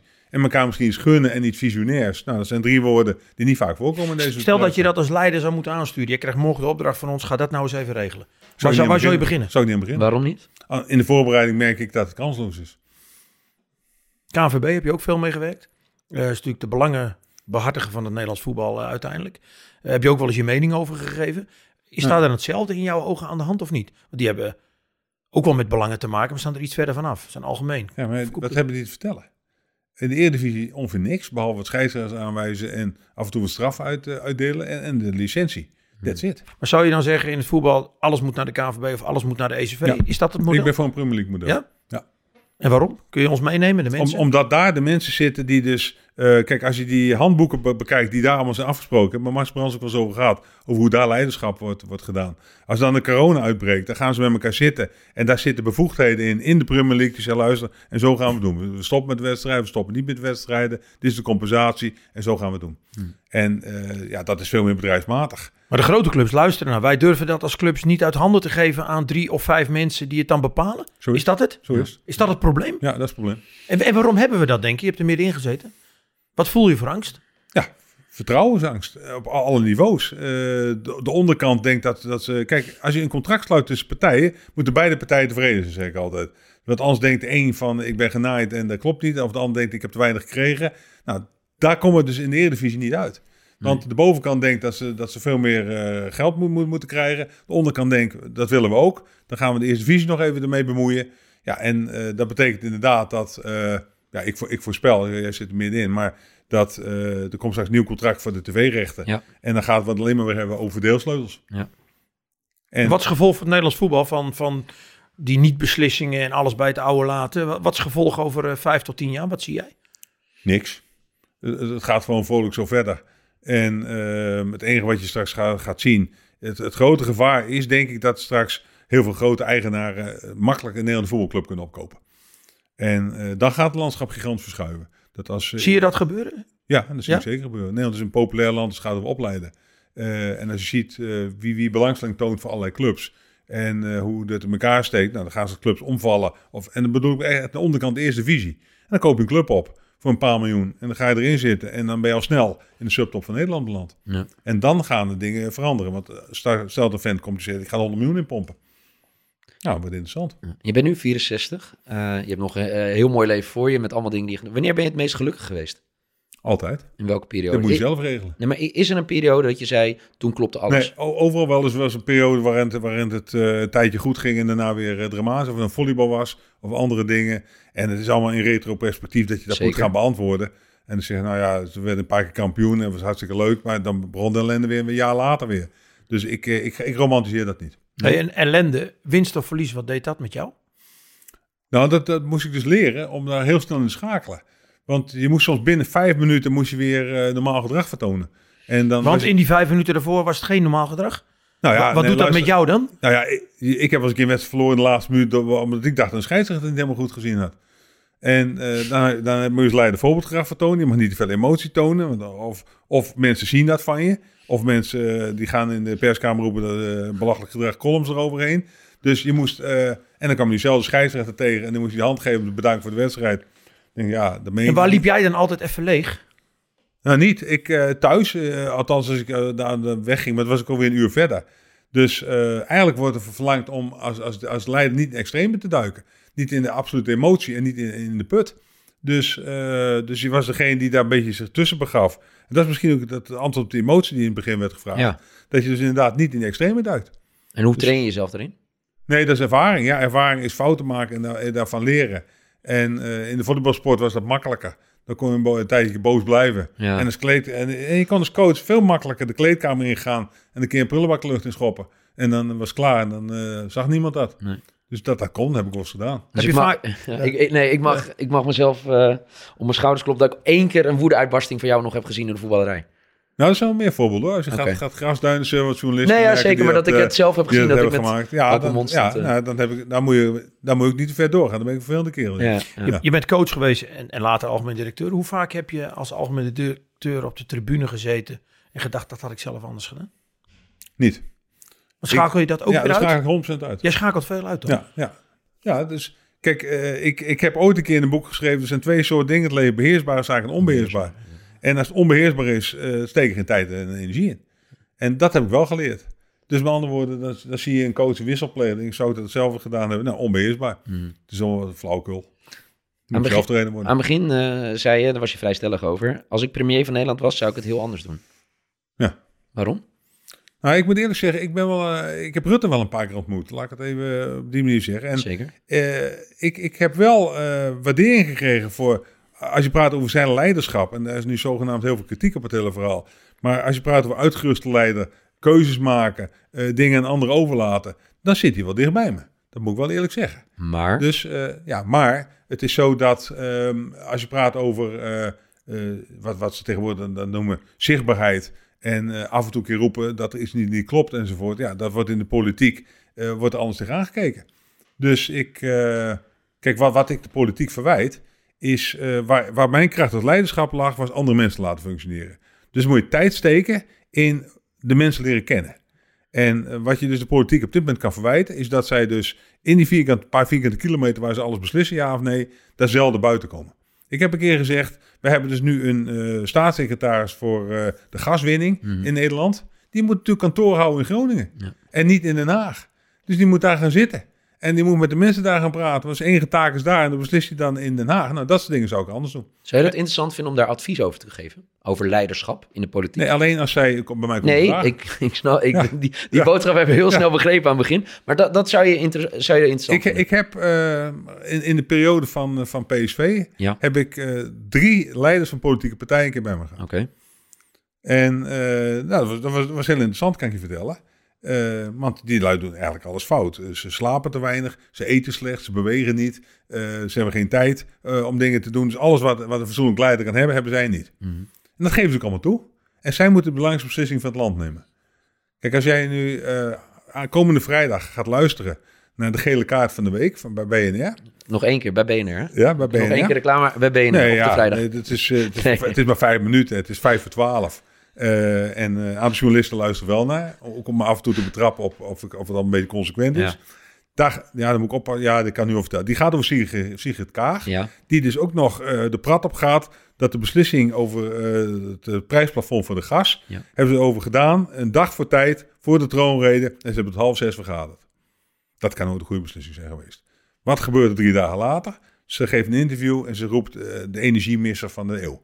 Hebben we gemaakt. Ja. En vervolgens roept ze, waar hebben we behoefte aan en rust aan eh, en reflectie. Ik had de column al geschreven en ik moet het laatste stuk nog even toevoegen. Dat ze zelf tot de conclusie komen was dat ze het niet goed gedaan. Nee, en toch is het wel interessant wat je zegt. Hè? Dat, eh, om goede beslissingen te kunnen maken als leider... zijn er een paar essentiële voorwaarden nodig. Rust, eh, goed eten en dat soort dingen. Dit zijn de mensen die het, eh, beslissingen nemen over de toekomst van ons land. Ja. En de basisvoorwaarden zijn niet aanwezig. Nee. Dan moet je, maak je je dan zorgen? Nee, het, is niet anders. Die mensen luisteren ook niet. Nee, maar dat, dat mensen niet. Maar maak je je dan zorgen welke kant het opgaat? Dat, er, dat de, de voorwaarden om goede keuzes te maken, die zijn er niet meer. Nee. Waardoor er. Ja, maar dan gaan we dus weer onbeheersbaar voor mij. Ja. Dat steekt geen tijd in. Oké, Doe ik dus niet. mooi. Maar wil je me afsluiten? Je hebt je lijst Ja. natuurlijk. Hè? Zullen we die nog even maken? Doe maar. Ehm, Eén woord, één zin. Daar mag je mee, eh, mee antwoorden. Ehm, moeilijkste moment als leider. De start. Wat is echt vernieuwd onder jouw leiderschap? Wat heb je vernieuwd? Wat, heb je, wat is jouw kracht als leider? Interesse in mensen tonen. Wat is jouw zwakte als leider?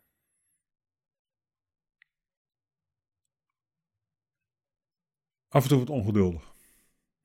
Hoe typeren mensen jou als leider? Eh, hard met een D. Wat is een voorbeeld leider voor je?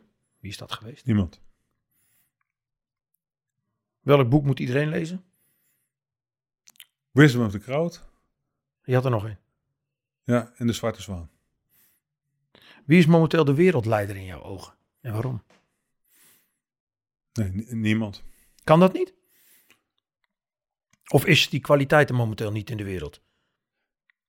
Nou, dan moet ik toch een wat langer antwoord Ja, geven. Het, is, eh, het, is een versnipperd landschap. En ehm, het, het is best beangstigend als je ziet wat er, wat er allemaal gaat gebeuren. Want voor hetzelfde geld denkt iemand straks van... eh, ik ben over de helft van mijn leven en druk op een atoomknop. En het kan mij schillen, want ik, ben, ik, ben, ik ga toch die ke- verkeerde kant op. Dat is een gevaar. Beangstigt dat de mens, Gerbrandt? Nee, want dat is onbeheersbaar. Wat maakt de beste leider in het voetbal? Eh, de man die eh, goede trainers en goede spelers aanstelt. Je had het net over houdbaarheidsdatum. Hoe lang kan een leider mee in het voetbal? Oh, heel, heel lang. Als je, als je maar nieuwsgierig blijft, doorselecteert en de, de visie actualiseert. En als je geen leider was geweest, wat was je dan geweest? Docent. Welk vak? Ik heb ooit geroepen Nederlands. Want? Ja, dat weet ik ook niet. Dus ik, je weet niet eh, waarom je het hebt geroepen of waarom je het nou, wilde ik- worden? Voor mij was het makkelijk. Ik En, en wat had je daar weer leuk aan En gevonden dat dan? is eh, omdat er heel veel boeken zijn en dan kan je wat lezen. En wat had je daar leuk aan gevonden, docent? Nou, me- mensen eh, jezelf ontwikkelen en dat ook overdragen op anderen. Eigenlijk wat ik nu aan het doen ben met coachinggesprekken is precies hetzelfde. Heb je nog dromen? Nee. Dus het is klaar. Nee, dat, dat is wat anders. Want hoe ga je deze komende jaren invullen? Adviseren, coaching. Ja, nou kijk, het, het grappige is dat, ehm we hadden het net over hoe vul je je leven dus in. Eh, op het moment dat je stopt, dan kom je in een nieuwe levensfase terecht. Dan krijg je een paar maanden sabbatical, wat geweldig is. Kijk, daar raad ik iedereen aan. Ja. Ik heb het nooit ge- gedaan, om, deels dat ik, omdat ik het niet kon, vanwege omdat ik gewoon geld moest verdienen in de eerste 20 jaar van mijn leven. Daarna kwam ik in een vak terecht waar het niet paste, om het zo te zeggen. Maar ik denk dat dat een aanrader is om dat op die manier wel te doen. Dus dat is één. Toen moest ik eens gaan nadenken, hoe ga ik het nou doen? En toen heb ik het volgende lijstje eerst gedaan. Ik heb eerst alle vakanties geboekt. Dus die, die staan. Nu, toen ben ik naar, gekeken van, ik hou van muziek in theaters. eh, in Eindhoven, in Os en in, eh, wat hebben we nog meer, eh, Veldhoven. Dat lijstje heb ik ingevuld. en wat voor theaterstukken gaat Toon Gerbrands? Nee, muziek. en dus, wat voor eh, muziekstukken? Gewoon... Tribute bands, of als er nog fatsoenlijke artiesten zijn die nog leven, gaan we daar een keer heen. Dus eh, gewoon leuke muziek die eh, een beetje bij me past. Je hebt een tribute band van de Bee Gees of zo. Nou, daar ga ik wel een keer heen. Dat zijn natuurlijk niet de Bee Gees, maar wel de muziek van, van, daarvan. Dus, is die 7, 8 zijn er vervolgens geboekt. Vervolgens heb ik eh, gekeken welke leuke wedstrijden PSV heeft. Die heb ik erin gezet. Jong PSV nog een paar. Toevallig bij NAC nu nog een, eh, een paar. En zo heb ik een lijst ingevuld. Blijft er nog een dag over? Nou ja, dat bedoel ik. Dus het moet niet werken gelijken.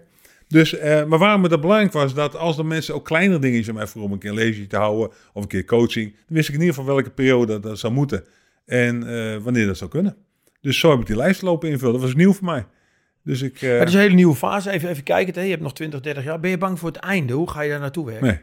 Nee, ik heb eh, Onbeheersbaar. het, het leukste, nou, dat klopt, je hebt eh, een snelle leerling hier tegenover. Eh, ik, kijk, het mooiste voorbeeld, roep ik altijd in interviews, is Jan Homme. Jan Homme begon zijn carrière vanaf zijn 65. Die stopte bij Philips. En die werd vervolgens nog voorzitter raadsbestuur van Ahold en bij ING en alles wat je kan bedenken. En die moest alle regeringen adviseren over van alles en nog wat. Dat is een mooi voorbeeld. En toen vroeg ik aan hem, wat is de basis ervan? Eén ding, nieuwsgierigheid. Hoe zou je herinnerd willen worden ooit? Niet, dat gaat niet gebeuren. Nou, tuurlijk wel. Nee, luister. Is dat heel bescheiden? Dat, dat gaat heel simpel. Als je overlijdt, kom je op teletext te staan. En dan is het interessant op welke pagina. Mhm. Of het 801 is of 101. Op dit moment Dus- 1, 801 denk je toch? Nee, op dit moment zou het 101 zijn. Omdat ik nog Ja, actueel ben, Ja, ja. om het zo te zeggen. Ja. En als je ouder wordt, dan kom je op 801 en dan houden ze in twee stadions. Omdat je nog ergens lid voor dienst bent, of lid, eh erelid, houden ze nog een minuut stilte.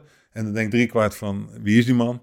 En eh klaar is Kees. En dan verdwijn je van teletext af en dan is het klaar. Is er daarna nog iets, denk je, of niet? Of is het klaar? Ja, ik, ik ben katholiek opgevoed. Ja. En ehm, ja, over onbeheersbare zaken gesproken. Ehm, ja, waar de realiteit ophoudt, begint het geloof. Ja, dus zeg het maar. Ik, eh, geen idee. Nog een paar dingen. Ik, eh, je doet elk jaar probeer je drie nieuwe dingen te leren. Ja. Wat is het leukste wat je hebt geleerd de laatste tien jaar? Ik, eh, voor de mensen die het... Ja. eh, voor mij heb je eh eh discjockey heb je geleerd. eh, ballonnen vouwen. Eh, ik, heb, ik had nog wat dingetjes opgeschreven. zeggen, een lijst van 25 Nee, dingen heel Dus veel dingen. het, Maar het is eh buik voor- spreken. Je geeft hem tijd om na te Over denken. voorbereid gesproken, hè? Daar gaan we toch over beginnen. Buik spreken. eh, nou, ik vind dit wel... Schapen drijven. Ja, de laatste die ik gedaan heb, laat ik die dan eventjes zeggen. Ik heb twee, twee uur uitzending gemaakt bij Omroep Brabant. Radio gemaakt. Ja. Gepresenteerd. Ja. En hoe was dat? Wat voor programma? Ja, ik mocht ik zelf invullen. Over voorbereiding gesproken. En was het leuk? Als je wil, kan je hem toesturen. Nou, dan ga ik hem ik zelf zeker luisteren. luisteren. Tot het gaat slot. namelijk over de relatie tussen... Ik heb twee dingen erin gezet. Dus jullie eigenlijk ook wel heel leuk om, om door te geven. Ja. Eén is zo dat het eerste stuk gaat over emotie en eh, sport. Ja. En muziek. Dus met andere woorden, daar heb ik dingen bij Mhm. gezocht. En dat vonden mensen heel interessant. Dat Mhm. heb ik hier wat te vertellen. En de tweede ging over de muziek in relatie tot mijn eigen leven. Welke muziek heeft wat betekend ergens in mijn leven? En waarom? Mhm. Dus dat is twee uur geworden. Laatste vraag. Eh, ik las een stuk in het Financieel Dagblad van mij 2019. Zou een literair stuk ooit verschijnen? Een literair stuk. Ja, je was gevraagd door, eh, om een literair stuk te schrijven. Dat was in 2019, toen zei hij, die zou binnenkort gaan verschijnen. Maar of ik heb het nergens in mijn research gevonden. Ik, het gaat mij nu geen lamp branden. Ja, het was een interview in 2019 van jou. In het, Je hebt genoeg geschreven. ja, daarom. Ja, daarom. Tien boeken. Toen stopte je. En dus er moet iets zijn gebeurd. Dat dacht ik, waarom dat nooit uit is gegeven. Of dat ligt nog ergens. Nee, het ligt nergens. Dat kan ik wel vertellen. Maar ik, ik Je hebt- even denken. Je hebt over management en sport geschreven. Als je nou nog één boek zou moeten schrijven. Het ging helemaal om management sport, het ging om mensen. Al die boeken. in de kern, dat klopt. Ja. Als je nog één boek zou moeten schrijven. Waar zou je het liefst over willen schrijven? Iets wat mij niet gaat lukken. En dat is totaal buiten de box. Heb ik ooit een keer ergens geroepen, een kinderboek. Want? Ik, en ik, ik heb wel eens een poging gedaan. En ik, ik wilde het uitbrengen, maar niet met mijn eigen naam. Om dan ook te kijken of het succesvol zou zijn. Niet omdat toevallig iemand denkt van verrek, dus die Gerbrands. Of het juist tegen me zou werken. Hij kan geen kinderboek schrijven. Dus zou ik het onder een andere naam uitbrengen. En daar heb ik een poging toe gedaan. En dat lukt mij niet. Dat is te moeilijk. Dus als we ooit nog een keer een mooi kinderboek zien met een of andere fictieve naam, dan zou die wel eens voor jou kunnen zijn. Ja. Er ligt nog wel ergens een scriptje. Nee, dus het, is, ik, het lukt mij niet.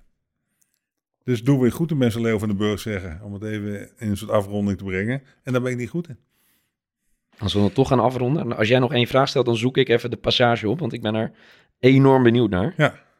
Nee, dus dat is goed. Maar dan moet... Je had je niet voorbereid op dit gesprek. Ehm, wil je nog ergens op terugkomen? We denken van nou, dat, of, of daar zou Nee. ik toch nog wel iets Nee. over willen zeggen. Nee. Heb je dat eigenlijk nooit? Nee. Dat je nog eens ergens op terug moet. Je lijkt alles wel heel bewust te doen. Nee, ja, nee, luister. Dit is de tijd die we ervoor hebben, hebben benut. Daar zijn dingen gezegd. Eh, als ik het in antwoord al niet eens zou zijn, of iets, iets denken, dan moet ik even uitleggen, had ik het gedaan. En dus ik, ik ben niet van op, op terugkomen, denk ik. Ik ben nu anderhalf verder. Ik had iets anders moeten roepen. Het is wel mooi in jouw mimiek altijd. Dat je een beetje, als, je, als je echt lekker in je vel zit, dan ga je dat een beetje lachend zeggen. Dan Ja. ziet die snor een beetje buiten, een beetje breed gaan.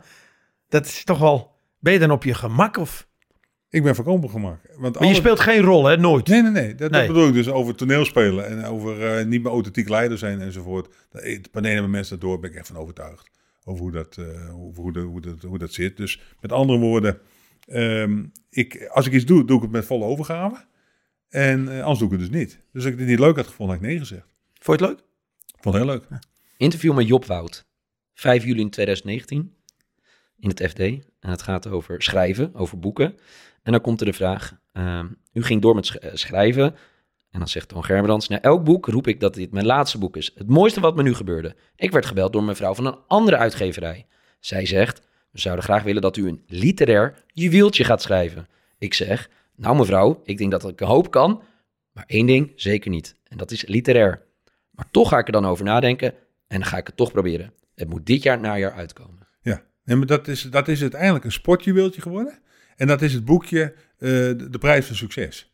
Daar heb ik het gesprek met mijn kinderen gevoerd, welke prijs zij betaalden, omdat ik een egoïst was. Dat was het thema. En dat literaire juweeltje is het niet geworden, want het is niet literair, hebben we Nee. toen gezegd. En toen hebben ze een sportjuweeltje ervan gemaakt. En dat is wel gekomen. Maar dat, ik vond het wel mooi de trigger om dan, dat iemand hier belt, kan je een literair stuk voor ons schrijven. En dat Ja. je zegt, kan ik niet, maar ik ga het toch proberen. Maar ik heb het ook uitgelegd, omdat dat komt dan op de literaire pagina van de NRC of de Volkskrant uit. En dan word je afgebrand. want dat is gewoon niet goed genoeg. Maar niet dat doet je toch niks? Nee, dat klopt. Maar ik, eh, ik hoef niet mezelf weet- helemaal... eh, Onbeheersbaar. Onweersbaar. Ja, dat, dat, dat klopt ook wel. Maar ik heb het toen wel zo gevormd. En dat is inderdaad, eh, als je het boekje leest, eh, dat is een echt gesprek geweest dat ik met mijn kinderen heb gehad. Ik heb iets aangepast qua namen enzovoort. Maar eh, dat is er uiteindelijk gekomen. Mag ik je danken? Ja. Dankjewel, Toon. Fijn om weer met je gesproken te hebben. Mooi.